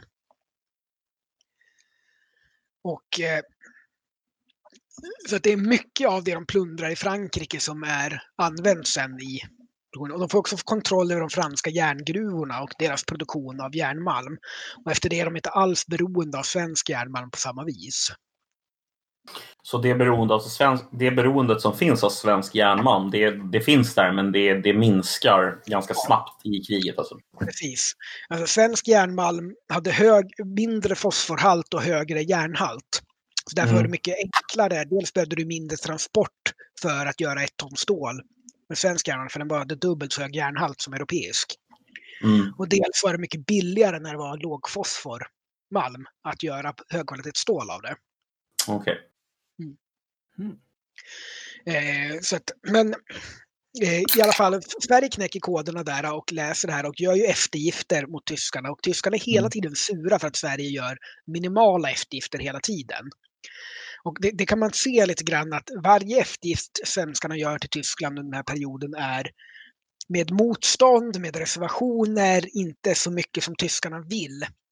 Och man Mm. går ju då en balansgång på slak lina att hålla tyskarna glada nog tills de går attack mot Sovjet.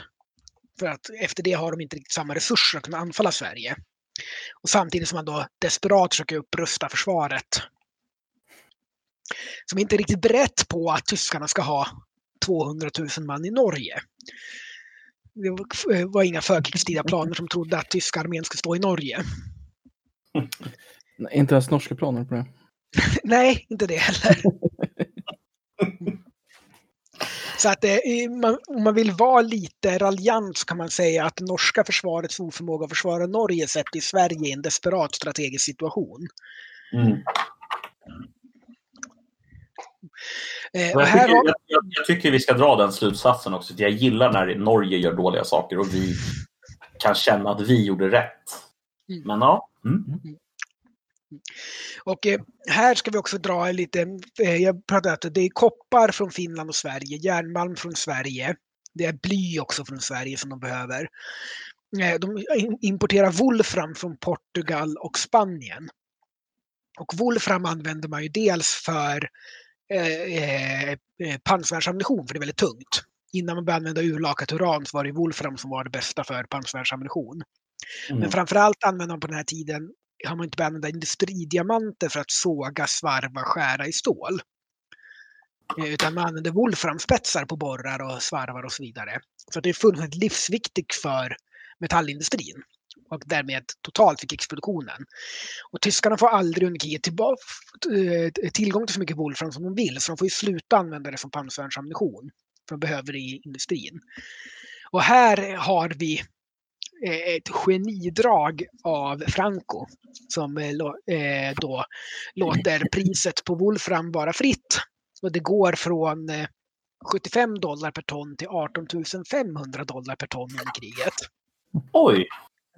För britterna vet ju att eh, Spanien och Portugal är de enda ställena tyskarna kan få tag på Wolfram. Så de och sen även amerikanerna går in och köper så mycket som möjligt för att tyskarna inte ska få det. Men, men, men, men vänta, stopp. De köper det av Italien? Nej, av Spanien. Av Spanien, ursäkta. Jag trodde att du sa Italien hade Wolfram. Men, då- mm. Nej, Sp- Spanien och Portugal. Mm. Stora bordfamiljer. Och där då Salazar i Portugal bestämmer sig, nej, riktig neutralitet är att dela upp produktionen så att de får lika mycket var. Så behåller vi förkrigstida priser. Ah. Mm. Så att Franco kunde ju betala av sina skulder från inbördeskriget i princip genom det här. Okej. Medan eh, Salazar var ju bara, vadå pengar? Nej. det skiter jag i. Vad ska vi med det till? Fan, fascinerande idealismen då. Ja, vä- Precis. vä- ja, men väldigt fascinerande. På riktigt alltså. Ja. Eh, Och eh, de importerar också krom då från Turkiet och bauxit från eh, Jugoslavien. Mm. Och krom behövs i vissa stållegeringar när man ska pansar. Och bauxit är ju det det är aluminium för, behövs för flygplan.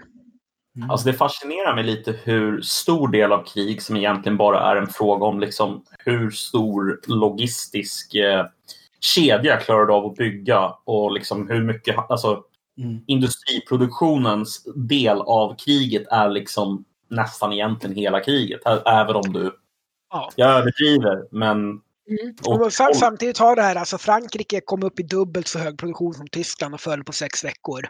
ja men Det är inte exakt. bara Ja, det. är inte bara det, men som, precis som du sa, hela kriget bestämdes ju på det sättet. Alltså andra världskriget. Sen. Ja, det, absolut, det hjälper ju väldigt mycket, men inte bara. Mm. Inte bara.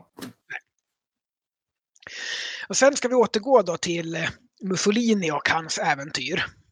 När eh, tyskarna går in i Rumänien då i oktober 1940 så har de inte informerat italienarna om det innan och Mussolini blir skitförbannad på det.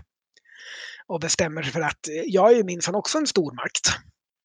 Eh, och bestämmer sig för att gå in i Grekland. Och grekerna under sin diktator Metaxas bestämmer sig för att eh, nu är det dags för 300-scenario här och fuck you och eh, vägrar ju helt att gå med på de italienska kraven. Och mobiliserar sin armé. Och italienarna sätter ju in då en attack från Albanien då, som de är en del av det italienska imperiet. Då, och det går ju skitdåligt. Det är, de går in i november 1940 och det är jättedåligt väder så deras flygvapen kan knappt göra någonting. De har jättesvårt, alltså infrastrukturen i södra Albanien och norra Grekland är jättedålig. Så de har jättesvårt att få fram ammunition och artilleri och sådär. Och de slänger in, har inte förberett sig. Mussolini sätter igång det här med ganska kort varsel. Framförallt är det sådär att dels eh, har de ju eh, har de försökt anfalla i Frankrike och det har gått dåligt. Och sen har de ju gått in i Egypten och så sen får de ju stryk där och måste skicka en massa förstärkningar till Libyen. Och Italien har kanske resurser att slåss på en front men inte två samtidigt. Mm. Eh, så att efter ett tag då så går ju grekerna till motanfall i december. Och överflankar italienarna och fullständigt krossar den italienska armén i Albanien. Eh, och eh, tar ju en tredjedel av Albanien. I, i eh, det som är det, Churchill sa det sådär att eh, alla hjältar är inte greker, men alla greker är hjältar. Efter det, här. Och det var mycket skämtteckningar om en liten arg grek som kommer och rusar på Mussolini med bajonett och sticker honom i rumpan. Ska han ha, den jäveln. Mm, precis. Kanske Och- och- lite edgy att säga, men mot, inte för italienarna slänger ju in liksom desperat skickar över trupper och slänger in saker. Det är jättedåligt förberett och små enheter. Och så här. De skickar in bankvakter. Ja. Alltså för att det här är ju folk i uniform som har vapen och har skjutträning. Så de tänker att det är bättre än liksom folk som inte har någon utbildning alls. Men det funkar inte så bra mot reguljära trupper. Så det är liksom, ja, de försöker sätta in eh, albansk milis och de är inte särskilt entusiastiska inför det här konceptet att slåss mot greker för italienarna. och alltså, det är fullständigt kaos. Så italienarna får ju stryk i Albanien av grekerna och i Libyen av britterna samtidigt. Eh, och eh, det går ju så dåligt. Samtidigt, de erövrar i augusti då brittiska Somaliland, det som idag är Puntland, norra Somalia. Eh, men britterna evakuerar och sen börjar de attackera Etiopien då och eh, Eritrea som italienarna och Somal resten av Somalia som italienarna håller. Med trupper från Indien och Sydafrika och här ska vi också nämna en av fäderna av Commandos. som heter... Eh, glömmer jag hans namn bara för det. Eh, han... Eh, Du kan Ord Wingate hette han. Du kan berätta Eh, vad Commandos var, för jag tror inte så många som ja. vet om det. Precis. Commandos var brittiska trupper som skulle göra räder och spaningar och sabotage i Europa för att förbereda för invasionen. Mm. Och det var specialutbildade, det är världens första special forces kan man säga. Mm. Eh, och eh, de här är då, Ord Wingate är en av de eh, första som tränar sådana här soldater. Och en av de eh, proponenterna av det. Och han är också en väldigt tydlig visning på att eh, i Storbritannien är det okej att vara excentrisk så länge du är kompetent. Eh, för han hade en del väldigt, väldigt konstiga ovanor. Eh, bland annat var det känt att han föredrog att hålla eh, sina genomdragningar, militära genomdragningar naken. What? Eh, han, han, han tyckte att man behövde inte duscha eller tvätta sig med vatten direkt, att man dammade av sig med en dammvippa, vilket man ofta gjorde under de här, naken då, under de här. Ja, alltså, det här, alltså det här är så Ja. bisarrt. Ja. Men får jag fråga, Eh, är, det här, är det här SOE? Eh, ja, SOE är ju de som ligger bakom Commandos. Special Ja, okej. Operations Executive eh, var ju dels skulle de ha kontakt med motståndsrörelserna men också sköta Commandos. Så det var Ja, inte okej. bara Commandos, men ja. De är Mm. Tätt sammanlänkade. Eh, och han hade en väckarklocka i en kedja runt halsen istället för ett armbandsur och en hel del annat. Så det var en naken man med väckarklocka runt halsen. Så Ja. då säger britterna, han han- vår specialstyrka. Han var den första rapparen. Han typ. Ja, men han låter ju sinnessjukt på riktigt. Alltså, Ja, faktiskt. Jo, alltså tydligen efter kriget så hade han ovanan att eh, sitta på tåget och eh, kasta ut sin portfölj genom fönstret. ja. Alltså, Men- vad, men vad, det sa var- du att- vad sa du att den här mannen hette? Ord Wingate. Det här, alltså, den här mannen låter som, han låter fantastisk. Eh, för att han såg passerade tydligen hans hus. Han kastade in den i sin egen trädgård. Portföljen så han slapp bära den från stationen. Ja, I alla fall, han ställde upp en styrka av exil-etiopier. Som kallades Gideon Force. Som var med och tog tillbaks Etiopien från eh, italienarna. Eh, han skulle även bli berömd sen som eh, eh, kommandobefälhavare och även befälhavare över burmesiska Kindit som var kommando som slogs mot japanerna. Mm. Som tydligen, det var Gurkas och Kindits var de enda som japanerna var rädda för i närstrid. Mm. Eh, och det är sidospår, men Gurkas, de har ju de här knivarna, det är en folkgrupp i norra Indien och Nepal. Eh, Kukiri. Ja, kokeri, precis. Med traditionella knivarna. Och det, i Italien, britterna hade en indisk division i Italien 1944 och eh, det var ett så tyst skämt där att hur vet du att du har blivit dekapiterad av en gurka? Ja, det, vet du inte du, det vet du inte förrän du nyser. Mm. ja. Eh, så i alla fall då så, eh, och de attackerar ju där också. Eh, sydafrikaner, belgiska, fria belgiska trupper, Gideon Force då, och de etiopiska motståndsrörelsen. Och eh, Kings African Rifles och så vidare. Så att eh, det går ju dåligt där också. Så att eh, Hitler bestämmer sig för att vi måste reda upp det här eh, innan han sätter igång sitt fälttåg Barbarossa då österut. Eh, och eh, så dels skickar han ju Rommel då med Afrikakåren för att hjälpa italienarna i att hålla resten av Libyen. Och Rommel bestämmer sig för att nej, men jag attackerar och tar tillbaks det italienarna har förlorat, förutom Tobruk då, där eh, australierna håller ut. Eh, men eh, så att då bedriver de hårda förhandlingar med Jugoslavien att ansluta Jugoslavien till axelmakterna. Eh, och Jugoslavien går med på det här, men det blir en kupp då i armén som är väldigt antitysk sedan första världskriget. Och sponsrat av britterna. Så att eh, britterna skickar ju då trupper till Grekland och eh, jugoslaviska armén mobiliserar och då sätter tys- tyskarna och italienarna ihop en invasion och fullständigt plattar till Jugoslavien. Mm. Och det går väldigt fort. Jugoslavien är inte alls förberedda på den här typen av krigföring. Och de är Mm. ganska fattiga så de har inte alls mycket pansarvärn eller stridsvagnar eller flygplan så där. Alltså det går väldigt dåligt väldigt fort. Och sen går ju de, tyskarna vidare in då i Grekland och skär av de här trupperna i Albanien så grekerna har de deras bästa trupper. Och ka- kastar tillbaks Får jag ställa en snabb eh, fråga där? Eh, är det någonstans i den här vevan som Kroatien blir dominerat av Ustasja? Ja, precis. Alltså Ustasja gör ju uppror och förklarar ett fritt Jugoslavien för att stödja Tyskland. Mm. Så att ett, i Jugoslavien blir också attackerade bakifrån. Ah, Och delar, delar av jugoslaviska armén som då är kroatisk går över till Ustasja. okej. Så, så tyskarna belönar ju då Kroatien genom att ja, italienarna får ju kusten men eh, Bosnien blir ju kroatiskt territorium. Mm. och Kroatien blir en, Kroatien blir en lydstat.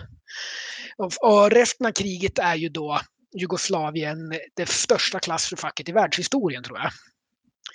Okej. Du har bulgariska, ungerska, italienska och tyska trupper som ockuperar. Och så har du en serbisk ko- kollaborationsstat. Och så har du Kroatien. Och så har du Kosovo som tillhör Italien. Och, och så har du Slovenien som tillhör Tyskland. Eh, och så sen har du den royalistiska motståndsrörelsen Chetniks. Som är då förberedd av armén innan kriget för att göra motstånd som gerillarörelse. Eh, sen har du Titos partisaner och så har du diverse banditgäng och så vidare. Och så har du Chetniks som fortsätter vara lojala och Chetniks som byter sida. Och så har du royalistiska Chetniks och så har du republikanska Chetniks och så har du Titos partisaner. Och sen har du även albanska kommunistiska motståndsrörelsen som även opererar i Kosovo under Enver Hoxha. Bunkermannen. Ja, just det. Mm, så att eh, vem som krigar mot vem och vad man gör förutom att då försöka mörda grannarna för att de är av fel etnisk grupp eh, är ju då eh, väldigt förvirrat och väldigt blodigt i Jugoslavien den här tiden. Och det är ju, säger ju en del om Tito att han kunde lägga locket på allt det här efter kriget och hålla det nere. Mm.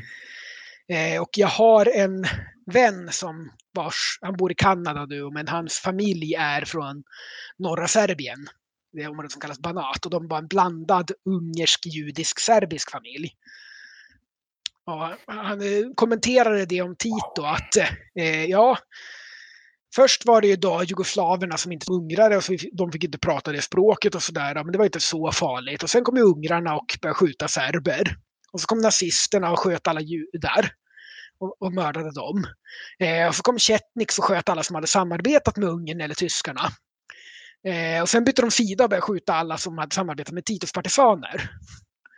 Eh, och så sen kom Titos partisaner. Och då eh, var hans farfar då, som tydligen ägde tre gårdar, gav bort två gårdar till staten och blev kommunistisk folkhjälte. De fick behålla den sista gården. Så han sa det att ja, alltså kommunisterna kan vara dåliga men de dödar inte för vilka dina föräldrar är utan för vad du gör. Så att du kan undvika att bli mördad under kommunisterna. Det kan du inte Mm. under nazisterna. Nej, precis. Mm. Det där är för övrigt en sån här sak som jag tycker att man ska, alltså så här, när man pratar om idag, eh, alltså 2020, Mm. och folk liksom vill jämföra nazister och kommunister Mm. och låtsas som att det är lika hemska ideologier, så måste man någonstans förstå precis det du just Ja. Det går att undvika att bli mördad under kommunismen genom att göra rätt. Precis. Oftast då, inte alltid. Ja, oftast. alltså missförstå mig rätt här. Jag vill inte leva under någon slags kommunistisk diktatur. Men det är ändå, en, det är ändå väsensskilt från nazistisk eh, ideologi. Absolut. Mm. Absolut. Men i alla fall, Grekland och Jugoslavien blir ockuperade då. Så sätter tyskarna in det största fallskärmsjägaranfallet någonsin mot Kreta. Där de sätter in då en sjunde fallskärmsjägardivisionen, hela divisionen och även luftlandsätter delar av en bergsjägardivision. Och här är det ju Eh, några av de mest brutala striderna under andra världskriget. Därför att de grekiska trupperna på Kreta tillsammans med en Nya Zeelands division och lite brittiska trupper. Och grekerna är fruktansvärt dåligt utrustade för de har skickat allt det bästa de har till Albanien. Så de har knappt gevär, men det finns instanser därför att tyskarna släpper ju ner sina soldater med typ en handgranat och en pistol och sen kommer vapnen i egna fallskärmar. Mm. Så det finns historier då hur kretensiska bönder går ut med sina skördeskäror och skär halsen av tyska fallskärmsjägare innan de hinner få tag på sina vapen. Och att en, en grekisk gubbe ska ha gått ut med sin käpp och slagit ihjäl en tysk fallskärmsjägare. Jävlar. Det var så extrem brutalitet i de här striderna. Och tyskarna sätter ju aldrig in något större fallskärmsjägaranfall igen för de lider så stora förluster. Även om Mm. de faktiskt vinner. Och en av anledningarna till att de måste ta Kreta anser de är ju därför att bombplan baserade på Kreta kan nå, nå de rumänska oljefälten. Mm. Och de måste skydda oljeproduktionen där för det är också den enda oljan de har. Mm. Eh, Och här ska vi prata, kanske prata lite grann om Tysklands ekonomi och den här illusionen om den nazistiska effektiviteten. Och jag berörde ju lite grann hur att Frankrike byggde dubbelt så mycket stridsvagnar som tyskarna gjorde. Mm. Eh, produktionstakt och det var, då höll de fortfarande på att öka sin produktion. Och tyskarna satte inte igång riktig krigsproduktion förrän sent 1942 eh, för att de var rädda för folkopinion och de trodde att ja, men snabba segrar så vinner vi och så behöver vi inte göra mer. Det var ju först Mm. när Sovjet visade sig inte vilja kollapsa så fort som de hade tänkt sig som de faktiskt började något åt det. Och de hade ju inga reserver av råmaterial eller olja eller så. De hade under hela kriget en kronisk brist på olja och bensin. Och eh, fram tills Operation Barbarossa så försåg ju Sovjet dem med mycket olja. Det rullade sovjetiska tåg. De till och med väntade på morgonen den 22 juni på att ett sovjetiskt tåg skulle rulla över gränsen med olja innan de anföll. Oj, oj, oj, oj, oj. Ja, det där är ju verkligen... Ja. Kan du tänka dig att vara de killarna på det tåget? Bara, ja, här kommer vi med, kommer vi med oljan. Bara, nej, men vi tänkte bara gå in i ett land nu och Mm. eh, döda 18 miljoner människor. Men eh, ja, mm. Ja. Förmodligen 25 miljoner, men ja. ja, du ser, det är ännu värre. Så att det, och där är vi någonstans nu, att eh, Tyskland förbereder för att gå in i Sovjet. Och Mm. Har ju då plundrat Frankrike och expanderat tyska armén 50 procent och framförallt höjt kvaliteten på väldigt mycket av den tyska armén till en Mm. toppnivå. Men man ska ändå nämna att precis innan Barbarossa så når de största graden av mekanisering, att 17 procent av armén är motoriserad eller pansar. Och högre än så når man, de andra 83 procenten är fortfarande hästdragna infanteridivisioner. Marscherar till fots och drar kanonerna med hästar. Ja, det. Det ja. För, för, Ja. för att skära lite i myten om den eh, hårda mekaniserade tyska nazistiska armén. Jag skulle vilja höra lite, om det är möjligt, om du skulle kunna liksom... Du och jag har pratat förut, Adler, om vad som utmärker specifikt den eh, nazistiska eh, kulturen. Alltså liksom, vad, vad är det specifikt som leder fram till att de eh, beter sig på det sättet som de beter sig? Vi har pratat om till exempel det som har att göra med eh, eh, nu tappar jag bort ordet för det, men den här lilla delen av Tyskland som var så krigisk, Preussen. Ja. Eh, skulle du kunna bara redogöra för vad du ser som utmärkande för nazistisk ideologi i relation till andra? Liksom, vi var lite inne på det tidigare, men om du kunde bara liksom försöka utkristallisera vad du tycker är utmärkande för nazism. Liksom. Det är ju väldigt svårt därför att eh, dels, det- man ska inte glömma att eh, den, mycket av nazismen är hitlerism. Det vill säga Hitler tar kommandot över nazistpartiet och så gör han som han vill. Mm. Och mycket av det som man pratar om nazism är folk som har nedtecknat hans monologer vid diverse middagar och försöker genomföra det. Mm. Eh, nazismen är antivetenskaplig. Kan man, det kan man säga. Så du har ju hela exemplet med Deutsche Physik som är bland det dummaste som har hänt i världshistorien. Eh, Eftersom väldigt många av judarna som då förlorar sina medborgerliga rättigheter och många av dem flyr från Tyskland utsättas för en ganska svår brain drain. Samtidigt är ganska mycket av fysiken, framförallt kärnfysiken under 30-talet dominerat av judiska matematiker och judiska fysiker. Mm. Och, och det går ju inte. Det är ju judar, så det kan ju inte vara sant med relativitetsteorin och såna här grejer. Så att tyskarna sätter igång projektet Deutsche Physik där de ska då etablera arisk, äkta fysik.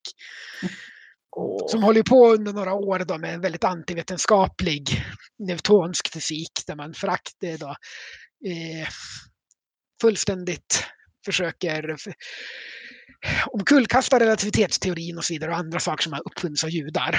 Och det gör det inte lättare för dem att skaffa en atombomb sen. Nej, inte helt oväntat. Nej.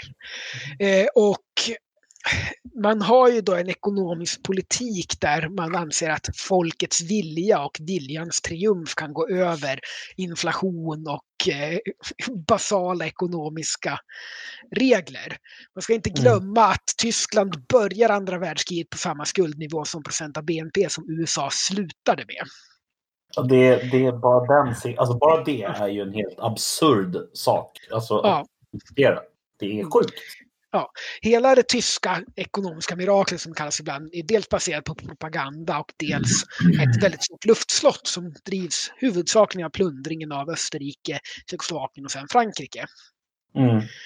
Och sen bedriver man en total krigsekonomi då man fullständigt förstör hela Europa i princip för att försöka för, för, föra krig mot Sovjet. Mm. Och eh, alltså det är svårt att ta... Alltså, du har en auktoritetstro. Du har en idé om att man företräder den äkta folkviljan utan att fråga folket. Eh, vad, vad, är det där heter? Volk? Det heter något speciellt, det har ett ord. Eh, um. det, det folk, alltså, man brukar prata om uh, the folkish movement. Precis. Ja. Eh, alla de här då, som auktoritära och eh, reaktionära, populistiska, mm. men utan att vilja ha någon slags demokrati, för det är ju dekadent och ineffektivt. Mm, Man vill precis. ha en stark ledare som uttolkar folkets vilja för folkets ära framåt. Mm. Eh, ja, att, eh, ja. eh, och, och, man har den här auktoritetstron och som man ibland också kan se i Sverige, liksom tron på myndigheterna och vad de gör. Eh, och det är därför mycket av förintelsen kan ske då för att vanliga tyskar rapporterar till myndigheterna när folk gömmer judar. De tittar åt andra sidan när judar blir bortförda. De lyder lagarna som stiftas. Mm. Eh, för att det finns den här eh, statstron, eller ska säga, och oviljan att gå emot konsensus, oavsett om konsensus är enforcerat av myndigheterna eller eh, någon slags äkta folkvilja. Mm. Och eh, det, det, som präglar nazismen är dels då den här eh, tron på diktaturen och på auktoritärt styre, ska, hård antikommunism, hård antisemitism, hård antivetenskaplighet, eh, fullständigt uppåt väggarna ekonomiska teorier om korporativism. Väldigt, väldigt mycket korruption. För du har ju den här bristen på genomlysning och mm. så här, alltså tydligt exempel är exempel att Hermann Göring sålde vapen både till nationalisterna och republikanerna under inbördeskriget. I Spanien? Ja. Det är ju otroligt. Ja, men alltså, Tyskland sålde ju vapen till nationalisterna och hjälpte dem och det var ju officiellt, eller ja, så officiellt det fick vara då. Att mm. Eh, internationellt officiellt gjorde de ju inte det, men eh, inom regeringen var det så här. Sen sålde, hade ju eh, Göring ansvar för femårsplanen och ekonomin. Och både viss kontroll över en del av vapenreserverna, så han sålde ju en massa av det och tog pengarna privat. Och sålde det till både nationalisterna och republikanerna. Mm. Och den ja, det, nivån det... av korruption är ju liksom, vad fan. Ja, men alltså jag, jag, jag, jag, jag har ju hela tiden förstått det liksom speciella med det nazistiska som att det hade att göra med att man uttolkade Hitlers vilja. Men alltså, det är ju bara en liten del av helheten här. Alltså, det handlar ju liksom om ett... Alltså nazismen är väldigt, väldigt spretig just för att det är det här uttolkandet av Hitlers vilja. Aldrig någonting riktigt nedtecknat eller de har en ganska kort tid av eh, faktiskt riktiga politiska riktningar och sådär annat än att nu ska vi rusta upp och gå i krig. Mm. Eh, och det är lite grann som eh, Henrik Schyffert och vi driver med tyskar. Att eh, världskrig och etnisk rensning, ja då röstar vi på nazisterna. Men förstår inte tant att ja, precis. Tant Råbiff. Jaha, du menar så? Nej, men, eh, och det här är ju då eh, som jag pratade om innan, att Tyskland saknar lite grann de här demokratiska institutionerna med eh, historien och auktoriteten att ta över när eh, det blir en republik. Mm. Och mm. nazismen går ganska in då väldigt lätt i det där. Och, eh, vad är det, han, Werner tror jag, som har skrivit en väldigt bra bok om hitlerismen och nazismen och hur det krävdes Tyskland för att det skulle kunna gå och bli så. För att den tyska kulturen och den tyska auktoritetstron och det tyska samhället med dess mm, konsensuskultur, att vi lyssnar på myndigheterna och gör vad de säger och sådär. För att som, ta till exempel Gestapo, att eh, det är ju väldigt bra i filmer så man ser alla de här som kommer i svarta rockar och svarta uniformer och gör un, for, liksom, eh, direkta eh, husrannsakningar och vänder upp och ner på allting. Men de hade inte alls mycket personal, Gestapo. De var helt beroende, alltså varje sak aktion de skulle göra så använde de OPO, alltså Ordnungspolizei. Det var ju de som fick göra det. Och eh, de själva skötte inga utredningar och så där utan de var helt beroende på tips från allmänheten. Så att om någon gömde en jude då fick Gestapo veta det genom att en granne tipsade. Inte genom mm. att de spionerade på någon. Och när mm. de skulle hämta det här och gjorde husrannsakan då var det en Gestapoman och sju pers ur Ordnungspolizei som gjorde det. Mm. Det, är, det, är det, här, det är det här som får mig någonstans att känna att vi är så väldigt, väldigt lika Tyskland. Alltså nu menar jag inte att vi på något sätt var nazister under andra världskriget. Jag menar absolut inte att vi, alltså jag menar Aron Flams eh, teori liksom, om en mm. svensk tiger och hela det, det är inte det jag är ute efter. Men den här samma typ av tilltro till myndigheter. Jag tror att det är den, ja. den alltså, tilltron till myndigheter är farlig. Alltså. Ja, fast vi har en annan tradition som inte finns, fanns i Tyskland.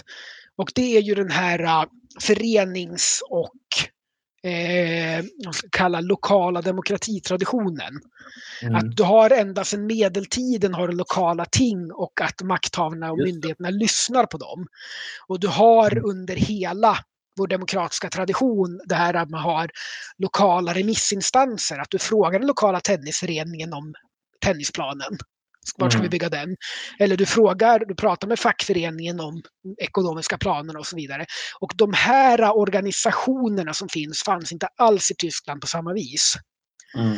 Och om man ska dra ett scenario liksom att i Sverige kom, bli ett nazistiskt parti rösta till makten så har de inte alls samma möjlighet. Det finns hela den här lokalorganisationen genom hela samhället som kan göra motstånd. Som också är mm. vana vid att folk lyssnar på dem. Mm. Och att de har rätt att uttala sig. Och den traditionen fanns inte alls i Tyskland och, på, den finns fortfarande i Sverige på väldigt hög nivå. Och det märker du ibland liksom vid protester och sådär. Det är bara att ta till exempel eh, almstriden. Nu springer vi långt bort i tiden från andra världskriget. Men jo, jo, där, där, där, där, har allting från bråkiga ungdomar utan någon anslutning alls till eh, operasångarnas fackförening som ställer sig på operan och sjunger kampsånger till stöd för de som slåss med polisen. Ja, just det. Eh, på, i folk, vad heter det, i Kungsträdgården. Eh, så att du har en, eh, även om vi också har en myndighetstro och sådär, så har du eh, dels har du myndigheterna själva har en friståendehet från regeringen. Där tjänstemännen har en, ett eget ansvar. Det är de ska utforma eller driva politiken men de ska inte sköta, få order direkt. Nej. Och dels har du den här genomsyrade lokalorganisationen i samhället där alla är vana vid att bli tillfrågade och ha inflytande. Och de kommer inte acceptera sånt här på samma vis. Mm. Så där har du en vital skillnad mellan Sverige idag och Sverige på 30-talet och Tyskland på 30-talet. Mm. Ja, men det är en jätteviktig skillnad. Mm. Mm. mm. Eh, innan, alltså så här, Barbarossa är slutet för det här avsnittet, men alltså när det gäller den här perioden 1939 till 1941 är det någonting som du känner att du skulle vilja utveckla lite mer eller är det någonting du känner att du inte har fått eh, prata om som du känner skulle vilja prata om? Nej, jag kan, kan ju dra några sammanfattningar.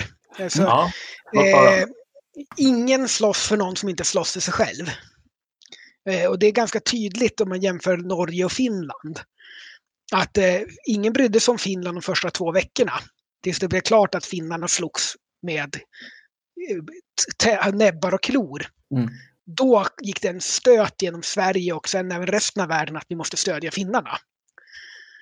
Det, eftersom norrmännen var så dåligt förberedda och slogs så dåligt för sig själva så var det aldrig samma stöt genom det. Men samtidigt så finns det en tydligt avbräck i den svenska tyskvänligheten i populationen i stort och opinionen och i tidningarna. Eh, när Tyskland invaderade Norge och Danmark då har de gett sig på broderfolk. Och man förlåter aldrig tyskarna det här. Och det märks tydligt hur det Läser man till exempel Grafströms dagbok eller eh, von Utmans anteckningar som militärattaché så märker man hur mycket kallare Sverige blir gentemot Tyskland och tyskarna. Och eh, eh Eh, det då slappa, som tyskarna uttrycker det svenska svaret på korståget bolsjevismen då. De är jätteirriterande på hur oentusiastiska Sverige är inför idén att krossa kommunismen. Eh, när Barbarossa börjar beror väldigt mycket på det. Man har inget förtroende för tyskarna efter det. Mm. Och de var inte liksom införstådda med hur, hur, nära Sverige och Finland var? Liksom. Alltså, det, det var ja, Sverige, Norge och Danmark är det här huvudsakligen. Ja, att man säger att Danmark och Norge, det är broderfolk. Mm. Som inte har förtjänat att bli attackerade. Men de hade inte den förståelsen eller vad var grejen? Nej, de, de förstod inte riktigt det att eh, hur mycket det påverkade ja. svenskarnas syn på Tyskland. Mm. Nej, alltså jag, jag, alltså jag måste säga det att alltså det, det känns på något sätt som att den här lilla perioden 1939 till 1945 den har ju ändå dominerat våran syn på världen hela vägen fram tills idag i, i, i mångt och mycket. Men jag ja. tror att väldigt många människor är ganska ovetande om hur stor, hur stor roll det här har spelat i den bild av världen vi sitter på idag. Absolut. Har du någonting att... Alltså, så här, vad, vad jag, jag vill inte liksom slänga ut plattityder, för det där var en jävla plattityd. Men jag, jag är ute efter att säga så här. Jag, jag, är ute efter att du ska säga någonstans så här. Vilken... Eh, nej, men jag bara undrar så här. Vilken, eh, vilken liksom läxa fick vi med oss egentligen? Alltså i Sverige under den här korta perioden. Alltså även bara 1939 till 1941. Vad lärde vi oss och hur förändrades i Sverige? Alltså, vi fick ju väldigt mycket igelkottsmentaliteten. Mm. Det är vi mot dem. Och det är ju väldigt mycket... Eh, alltså Sverige måste ha ett starkt försvar för att kunna hålla våra fiender borta. Och har man ett svagt försvar så blir man erövrad. Mm. Eh, samtidigt eh, med vinterkriget, alltså där att det lönar sig inte att vara allierad med ett stormaktsblock. Man blir anfallen och erövrad ändå. Det hjälpte inte Norge att britterna och fransmännen försökte komma dit och hjälpa till. Mm. Eh, och det hjälpte inte Finland att eh, liksom Sovjet har garanterat deras frihet och hade någon aggressionspakt och allting. Utan de blev anfallna ändå. Mm. Eh, och den mentaliteten att vi måste försvara oss själva, den igelkottsmentaliteten, den har genomsyrat Sverige sedan 90-talet, fram till 90-talet skulle jag påstå. Mm. Och det är först då liksom man börjar skära ner på försvaret och inte anser sig behöva då. Det är ju efter Sovjets fall. Ja. Eh, och liksom egentligen fanns det några reella hot mot Sverige på 70-talet? Nej, men vi övade ändå atombombsanfall mot Uppsala och byggde stridsvagnar och bunkrar som skulle kunna stå emot atomanfall och så vidare. Mm. Så det är, eh, jag skulle säga att och mycket av vår ekonomiska politik är ju baserad i första och andra världskrigets ransonering och hur vi försörjde oss då. Mm. Där skulle man kunna ta det här sidospelet Vår beredskap är god, som brukar vara mycket eh, väldigt dragit i smutsen. Och frågan är, för ett modernare perspektiv på det, att han pratar om de ekonomiska förberedelserna. Mm. För att det folk tänkte 1939, att nu har vi ett nytt stormaktskrig. Och inga neutrala länder som inte är i vägen har ju blivit invaderade. Så att är den militära beredskapen folk är oroliga för? Nej, det är ju jobben och maten och ransonering och sådär. För det har varit hungerkravaller under första världskriget. Mm. Slagsmål på Stockholms gator om enstaka kilo potatis våren 1917. Och hot om kommunistisk revolution just för att det är brist på mat. Potatisrevolutionen, eller hur? Ja, precis. Och, så att förmodligen är det väl det som är på folks sinne först och främst.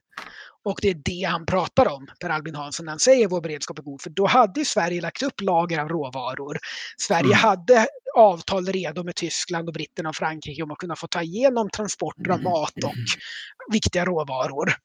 Och Sverige hade redo eh, myndigheter där för att lägga en effektiv och bra ransonering och färdiguträknat. För det ska man säga att till skillnad från många andra länder så var Sveriges ransonering hård men inte kalorimässigt. För att eh, när ransoneringen är som hårdast i Sverige så går man ner till eh, 150 gram kött per person och vecka. Men det är fortfarande så att mjölk, grönsaker, och potatis och fisk är fritt. Det får du köpa hur mycket du vill av. Mm. Så att det, det kanske blir tråkig mat och inte lika roligt och det är brist på en del du vill ha. Men det är inte så att du har brist på kalorier. Och näringsmässigt kan du leva ganska länge på grönsaker, potatis och mjölk.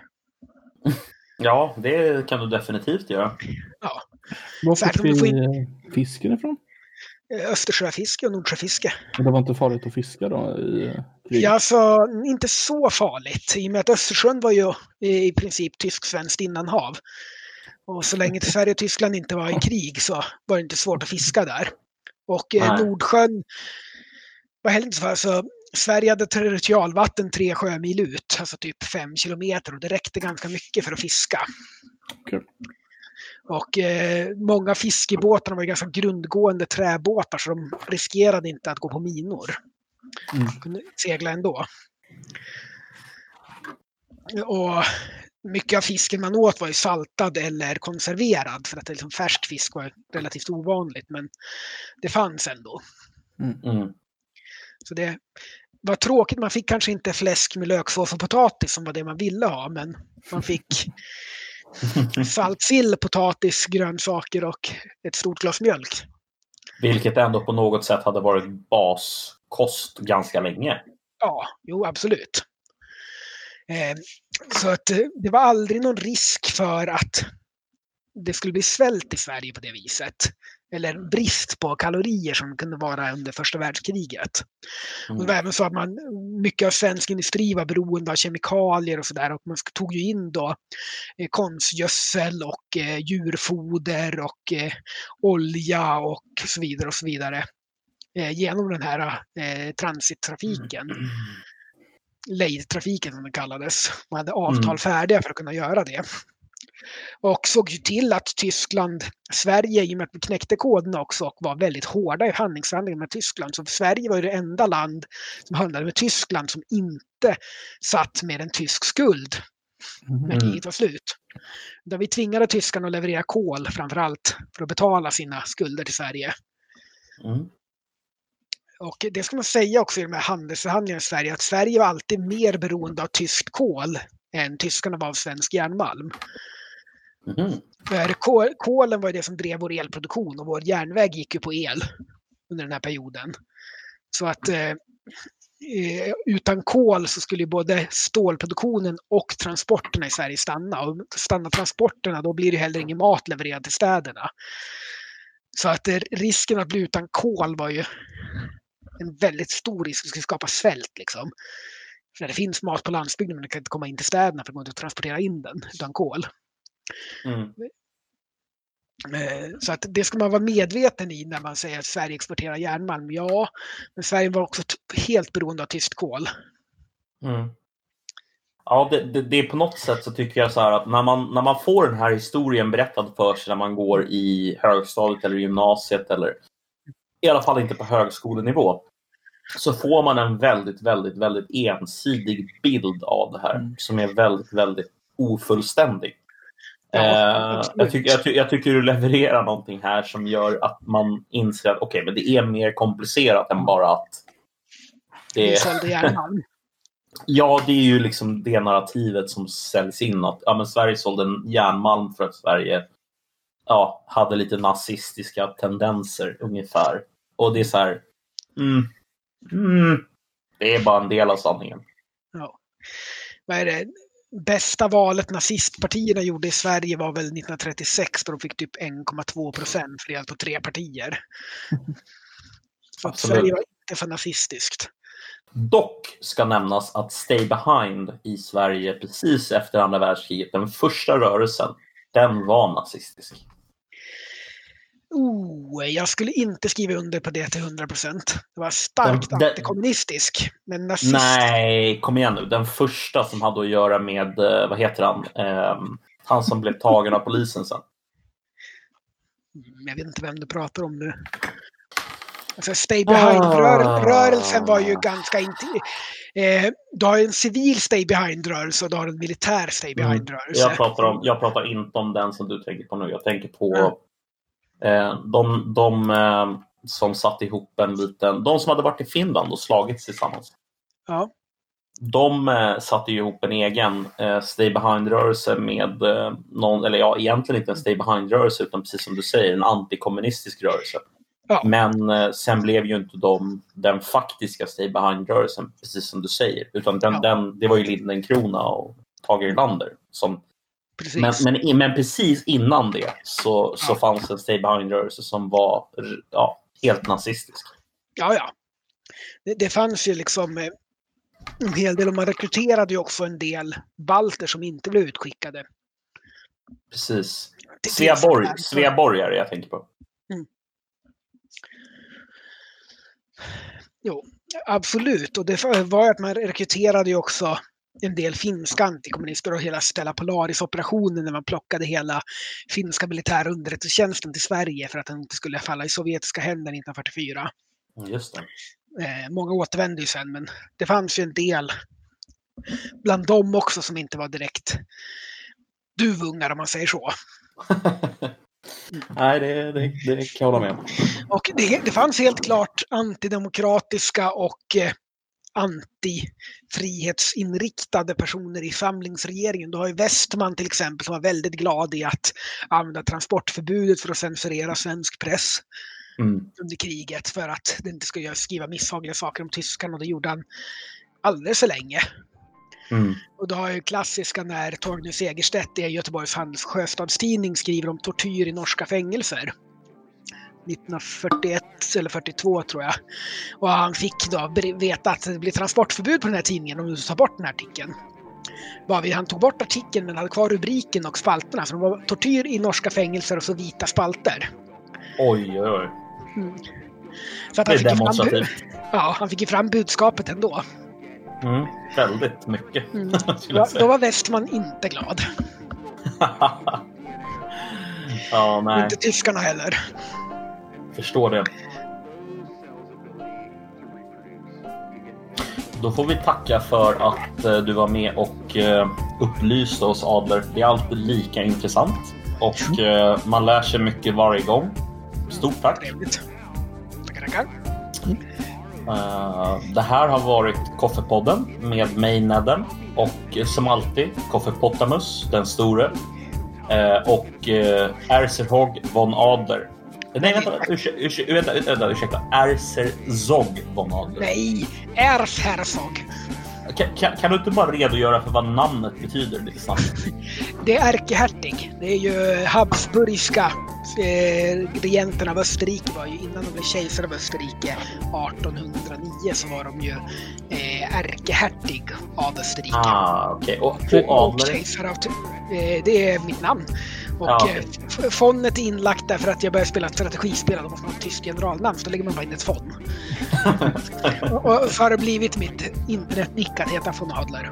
Och Ja, det är mycket, För att jag hade bra. det redan på annat sätt och det har jag haft sedan typ 97 så att det är svårt att ändra nu. Inarbetat. Det. Minst sagt. Ja, men eh, tack för oss. Tack för eh, Koffepodden och eh, hoppas att ni har tyckt att din avsnittet var intressant. Hörs vi igen. Tack och hej! Hej hej. Hej. Hej! Jag tänkte innan du börjar nu Adler, sorry att jag avbryter dig, men vill du gå och kissa eller någonting innan vi Nej, fortsätter? just nu är jag helt okej. Okej. Lite dagens frökenvarning här, sorry. Sorry, sorry. Jag, vill, ja, men jag ville bara liksom... Men jag, Ja, jag kommer ju börja gå och kissa om 20 minuter och kommer säga men vi pratade ju om det här. Varför gick du inte och kissa innan vi for? Wow. Ja.